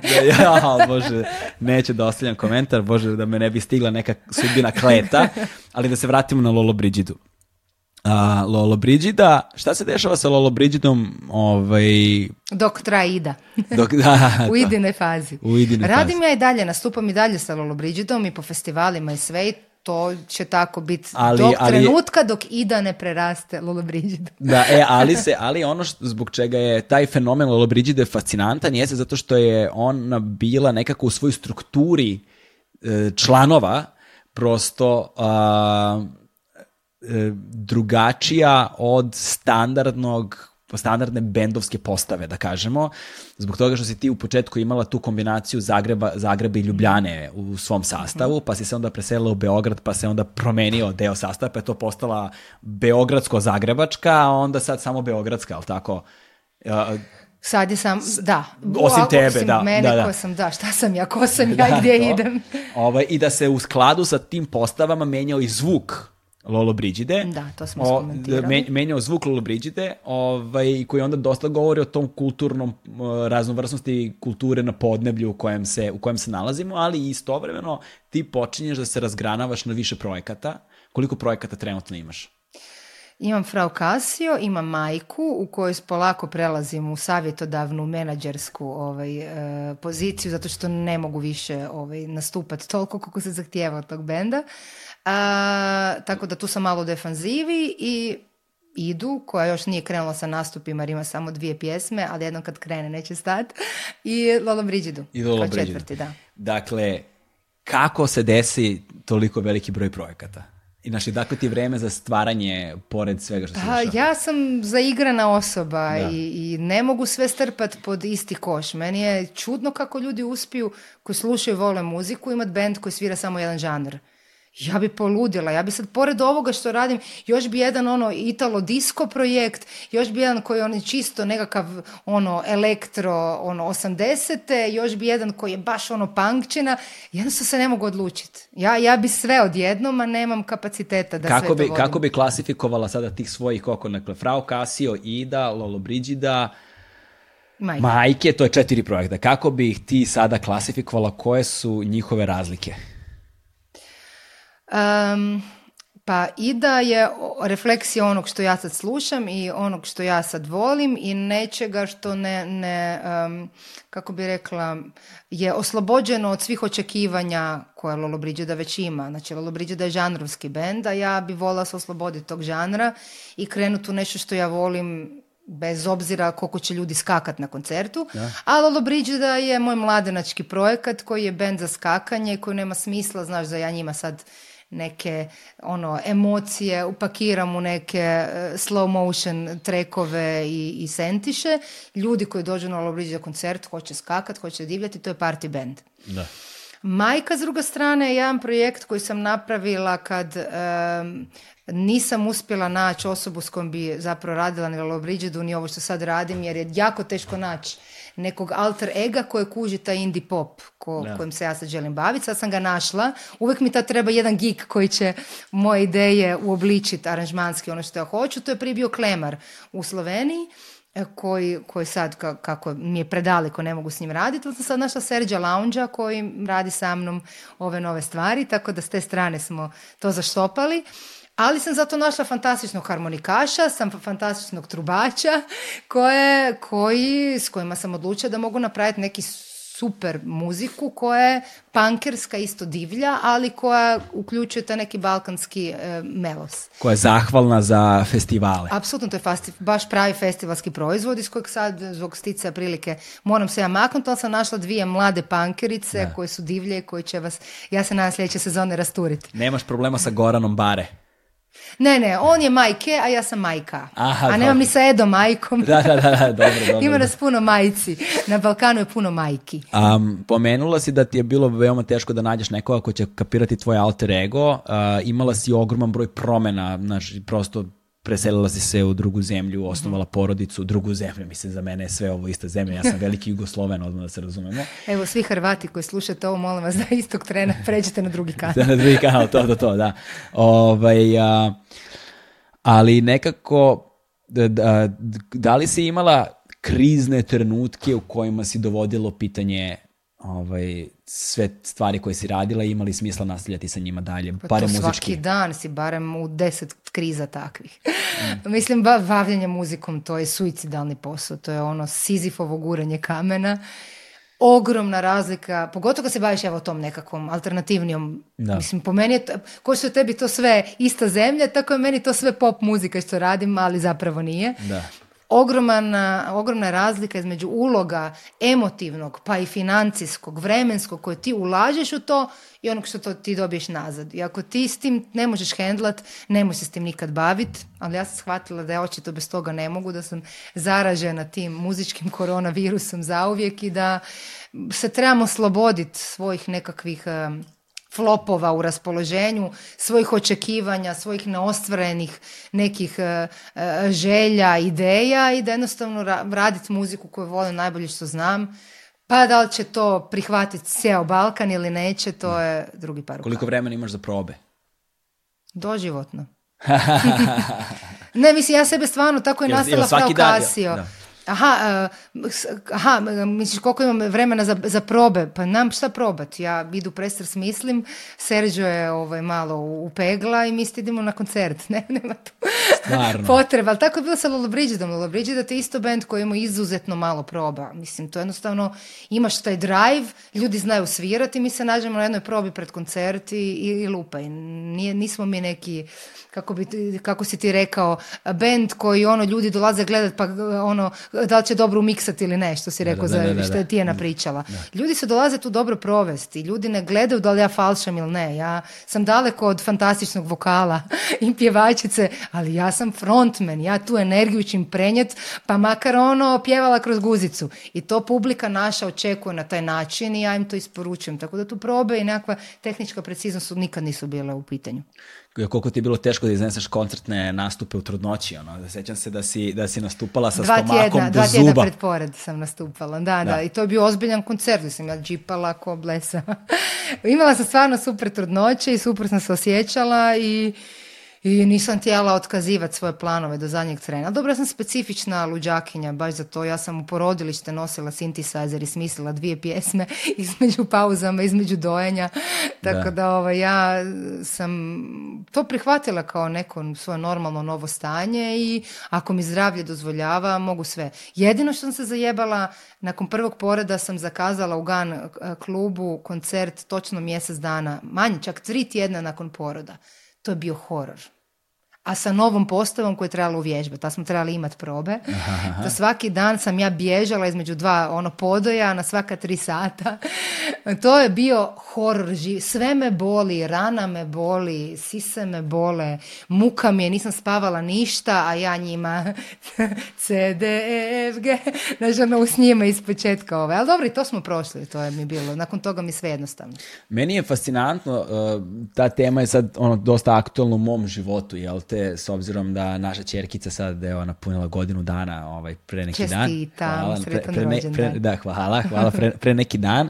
I da je sad e, odnos prema porodici, prema detetu i prema stvarima u ostalim u životu dobije jednu vrlo specifičnu notu s obzirom na to se ti kao osoba govorim uopšteno sada, ne menjaš. Znači, znači ja sam i dalje isti ja, imam iste želje, iste potrebe, iste ambicije i tako dalje, samo što se na sve to sad nakalemilo još dodatno, tako da sam ispod svega i dalje isti ja, ali sada postoji odgovornost i obaveza prema drugim stvarima gde nekako nema dovoljno sati u toku dana. Bebe su ti jako time consuming, to da, mi je neko rekao dovoljno jasno na početku. Mislim, ako hoćeš biti dobar roditelj, ako ćeš biti bez veze roditelj, daš ga ono babi ili daš ga babysitterici, čao, doviđenja. Ali ovaj, ako hoćeš biti dobar roditelj, to, toliko tvojih ambicija se moraju ugasiti, toliko tvojih planova i sve ovo što ti nabraš, što zvuči puno, ja da nemam djecu, ja bi... Znaš, ono osjećaj da, bi toga bilo još više, još bolje, još bi se više u to dala.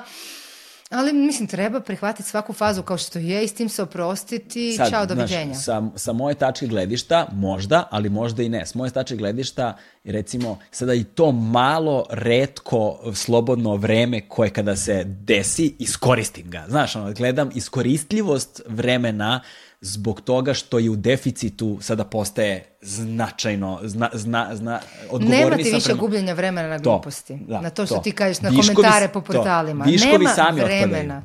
Ja ono isto kad me neko smara, samo blok, blok, blok, uopće boli me briga. Koliko znači se ljudi blokiralo danas? Pa danas, danas sam dvoje, jučer sam jednog, znači ta, to mi je skoro 24 sata. E, ne, ne želim da me se truje, više nemam ni vremena ni živaca za ljude koji su neproduktivni, koji s ničim tvoj život ne mogu oplemeniti i koji te dave. E. Tako da danas to vrlo lako možeš i pristojno odraditi blok, ono, ne kolidiraju nam svijetovi, ne moramo se nigdje vidjeti ni čuti, čao, doviđenja. E, a s druge strane, ovaj, e, posmatram koliko je uloga majke uh, teža sa tog aspekta e, roditeljstva, barem u posebno u ovom sada početnom periodu ono inf, infantilnosti, jel te?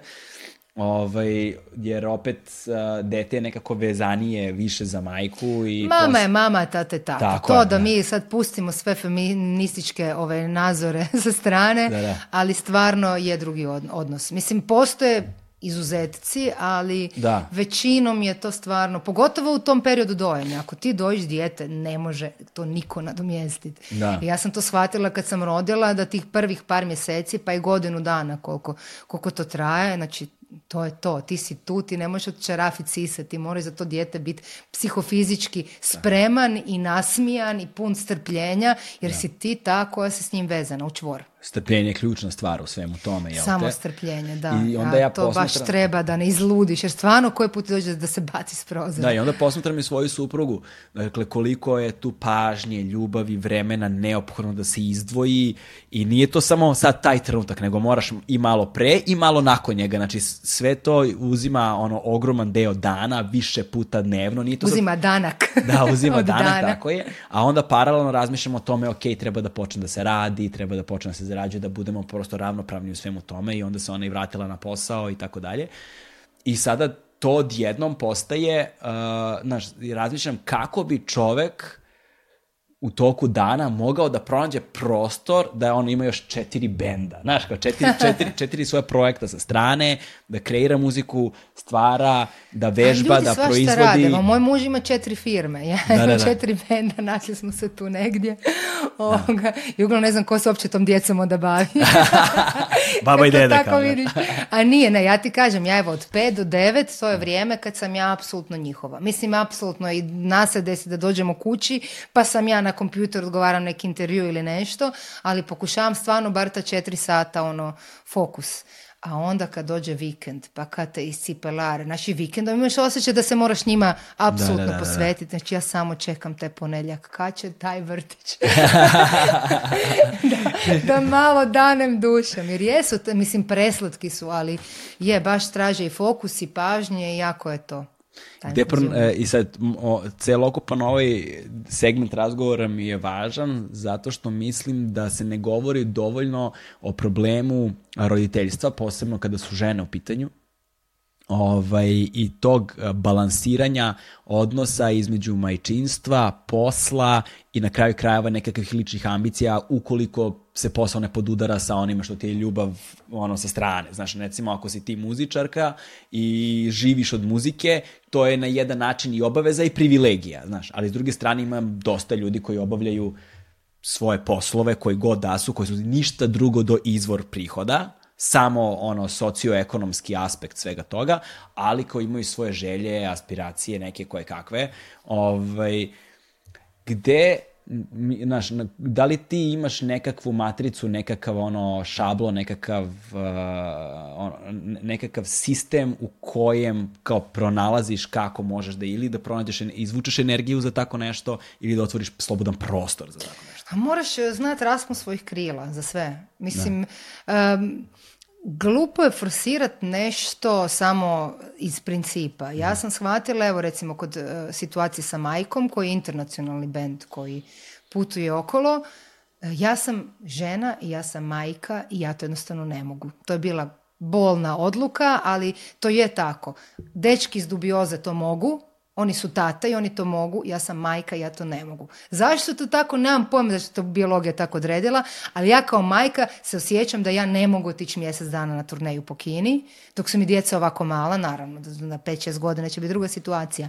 Ali to je neka biološka očito datost i ja jednostavno to psihički ne bi mogla podnijeti.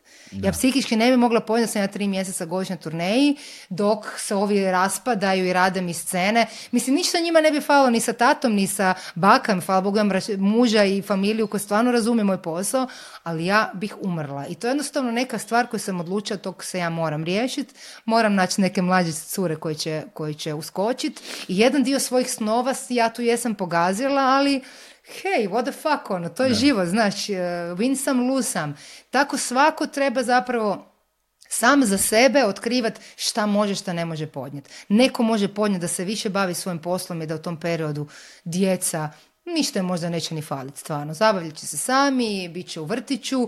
Niko sad nije upropastio dijete jer u nekom periodu se više posvetio svojoj karijeri, ali to svaka prvenstveno žena, s obzirom da muškarce to ipak smo se složili, druga, druga kategorija, mora odlučiti sama za sebe i onda ne žalit. Onda takva je bila moja odluka i, i prilagođavati se. Kako, kako izgleda proces donošenja takve odluke? Mislim, meni su ove stvari važne zato što mislim da je važno i drugim ljudima da čuju da u životu se uvek nalazimo u procesu donošenja određenih odluka, gde, nažalost, mnoge odluke koje donosimo moraju da budu, ono, uh, moraju da budu odricanja određena vrsta tih odricanja, gde je na kraju danas kad se odreknemo nečega moramo nekako da se pomirimo sa odlukom koju smo doneli. Znaš, meni je recimo to bilo teško kada sam davao otkaz, jer kao, na, živimo u Srbiji, živimo u jednom socioekonomskom okruženju u kojem davati otkaz nije baš ono poželjna stvar, posebno ukoliko nemaš plan B, posebno ukoliko... Ti uvijek imaš plan B, da. nema meni to priča. Dobro, znaš, nisam baš s neba pa u rebre, imam nekakve planove, ali oni su dalje samo planovi. Ove, Super uspješan podcast. Na da, to, na primjer, da. Bilo bi lepo kada bi postojala opcija za ozbiljnu monetizaciju svega ovoga. Hvala burazerima koji mi pomažu za pro bono. A, dakle, kako izgleda taj proces donošenja takvih vrsti odluka, koliko ti je teško da ih doneseš? Ja ne razmišljam puno o tome, ja sam žena Zaista. instinkta. Pa da, da, mislim, znaš me ti.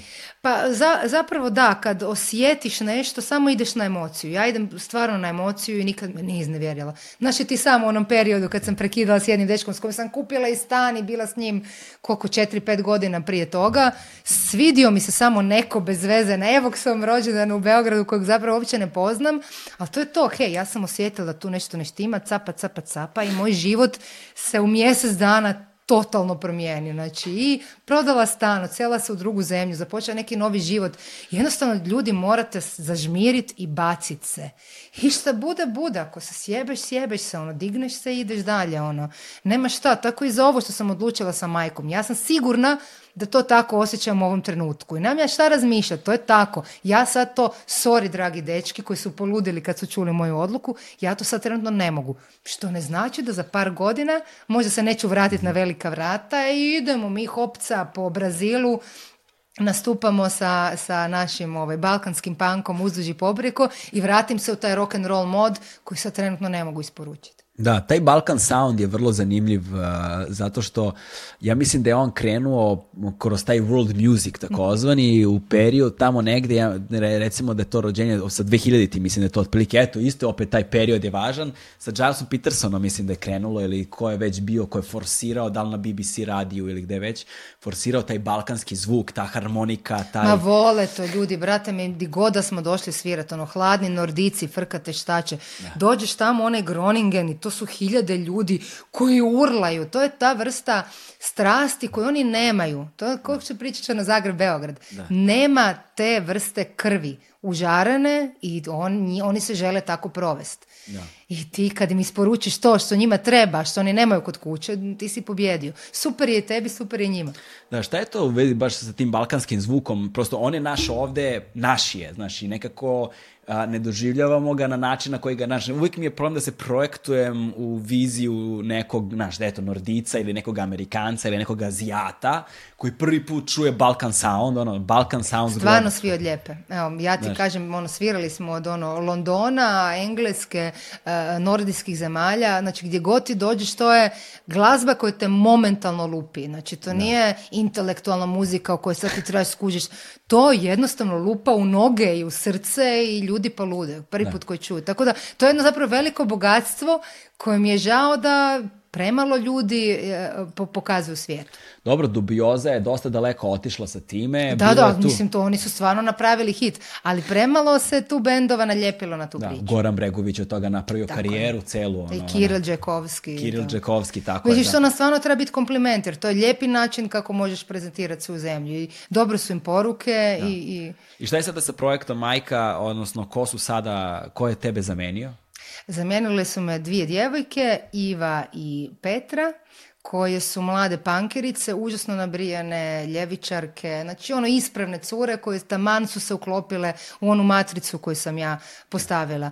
Ful su mlade, ali imaju onaj drive, imaju iskustva jer su nastupale sa svojim nekakvim eh, punk projektima i ono, ja im držim ono leđa. Tvoj novi singl uh, na minut, kako se da tako? Minuta. Minuta, samo minuta. Dakle, single minuta, mislim, bio sam na snimljenju spota i poslušao sam ga posle, meni ima taj vibe Simian mobile diska. Ono, A ovaj, stvarno, da, baš mi... niko nije rekao do sada, ali, ali ima, da, malo te dekadencije.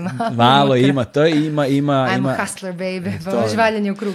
da, da, ne, onaj, onaj Simian mobile Disko, ovaj, kako se zvala ta stvar, ja, ona što ima nekakvu istočno-evropsku estetiku u spotu. Aha, da, ne znam, ne znam točno ka, kako. Baš je bila ono borat estetika da, neka da. bila, ali je ta... Dobro, nemamo mi to. Ne, nemate tu estetiku, ali ta stvar zvučno, auditi, auditivno, sad sam zaboravio kako se... Moguće, obično se ljudi zalijepe za te reference 80-ih i ono, e, tih elektropop bendova iz tog doba, što sigurno zvu, malo baca na to. Da. Meni tu ima i 90-ih, te neke ne, sintovi koji su... Ne, više ima 90-ih, više ima 90-ih, rane 2000-te, mnogo više nego 80. jer nekako 80. vuku na taj synth pop bedroom pop na taj neki ono low-fi, sad Tako smo baš, da, e, A ovo nije low -fi, da, da, mnogo je sporije, to nekako drugačije, možda je eventualno malo, ako govorimo... Ovo je ono malo to 90s trash da, to, ako govorimo malo možda o Depeche modu iz 80-ih, ali su oni bili mnogo mračniji, znaš, to je mnogo mračniji Depeche. Pa dobro, i ovo je jedna od mračnih pjesama koje sam ja napravila, bar ja tako sjećam, mene ta pjesma baš mračna, teška i zimska. I veliko mi je iznenađenje da su ljudi toliko baš super reagirali. Puno više na ovaj prvi single šansa, koji je po meni puno popističniji, ali ovo im se puno više svidjelo, tako da respect my people. Kako izgleda saradnja sa Sergio Lounge? do sada fantastično. Znači dvije pjesme smo do sad napravili, sad, sad će biti treća. Mi čovjek kapira sve. Znači ja mu pošaljem svoj kostur, znači svoju pjesmu i on mi vrati svoj aranžman i ja kažem wow, to je to. Yeah. Znači evo sljedeća pjesma čisto izaći koju je za koju radio aranžmana sad u maju. Pjesma se zove Kvar. I znači ubro je točno to, taj malo tu retro melankoliju u kombinaciji sa nekakvim weird iskrivljenim popom. Znači to je točno to što ja hoću. Da je pop, ali da ima neki angle, neki edge koji je koji skuži da se ne može baš puštati na tv i radio. radio je poseban problem zbog formatizacije radio stanica. Ja se sećam još kada smo mi bili na MTV-u tamo 2007. godine, desio se taj, taj moment u kojem su napravili software i software ima svoje A, B, C rotacije po bojama žuta, crvena, plava, zelena i tako dalje i onda recimo crvena je ono A1 heavy rotacija, žuta je ne znam ono B1 i tako dalje gde tebi zapravo na osnovu ugovora koje su velike izdavače kuće napravile sa tada muzičkim televizijama i radiostanicama, tebi stigne set lista i ti samo bacuješ u rotacije i playlista se pravi sama, programska košuljica se pravi sama i ti zapravo imaš ona zelena rotacija na kraju neka, bude možda 10-15% vremena kad možda staviš neku svoju muziku. I formatizacija radio stanica prvenstveno, a potom i nestanak muzike sa televizija i onda rođenje streaming servisa je pomerilo muziku sada na ove platforme koje imamo danas. Kod nas, nažalost, YouTube, zato što nemamo Spotify, nemamo ono, nemamo kulturu slušanja e, muziku na drugim platformama, YouTube je nešto što ljudi doživljavaju kao besplatno, ali je promenila značajno poslovni model. Tako da te rotacije više nisu važne, ali su sad algoritmi je bi ga važni, znaš. Ove ovaj, da li ti učestvuješ u tome, e, koliko učestvuješ u, u, u tome da guraš svoju muziku ili ostavljaš ono na YouTube-u pa šta se desi? Ja ostavim na YouTube-u, evo prvi put sam minutom odlučila uplatiti 50, 50 eura koji budžet u promociju na Instagramu. I to je to, ja drugo ne znam, niti se time bavim.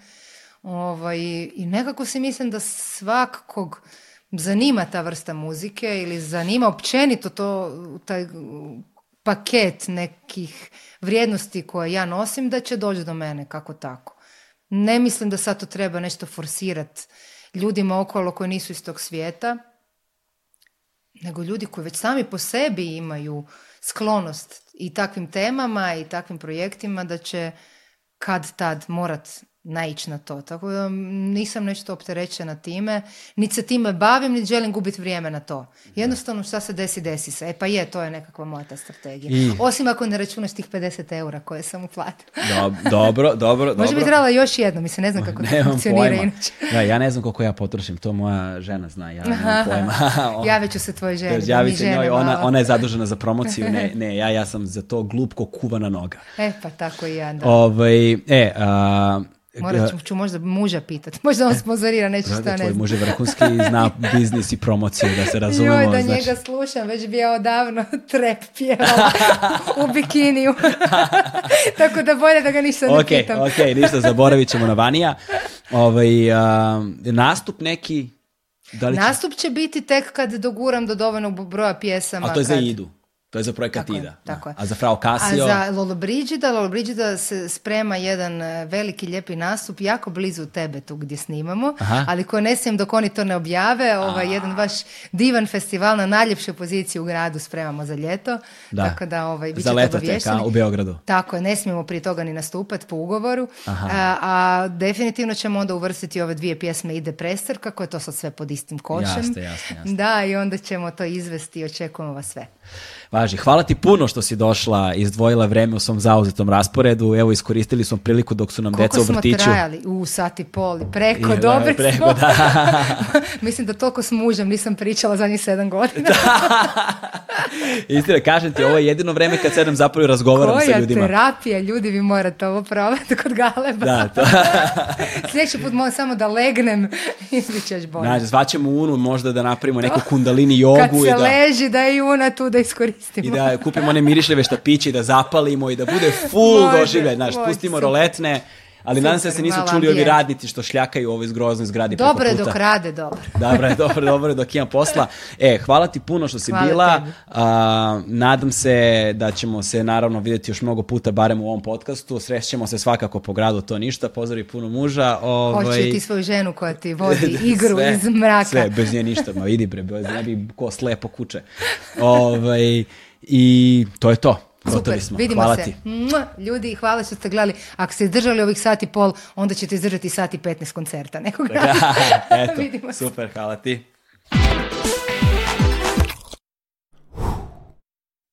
Hmm.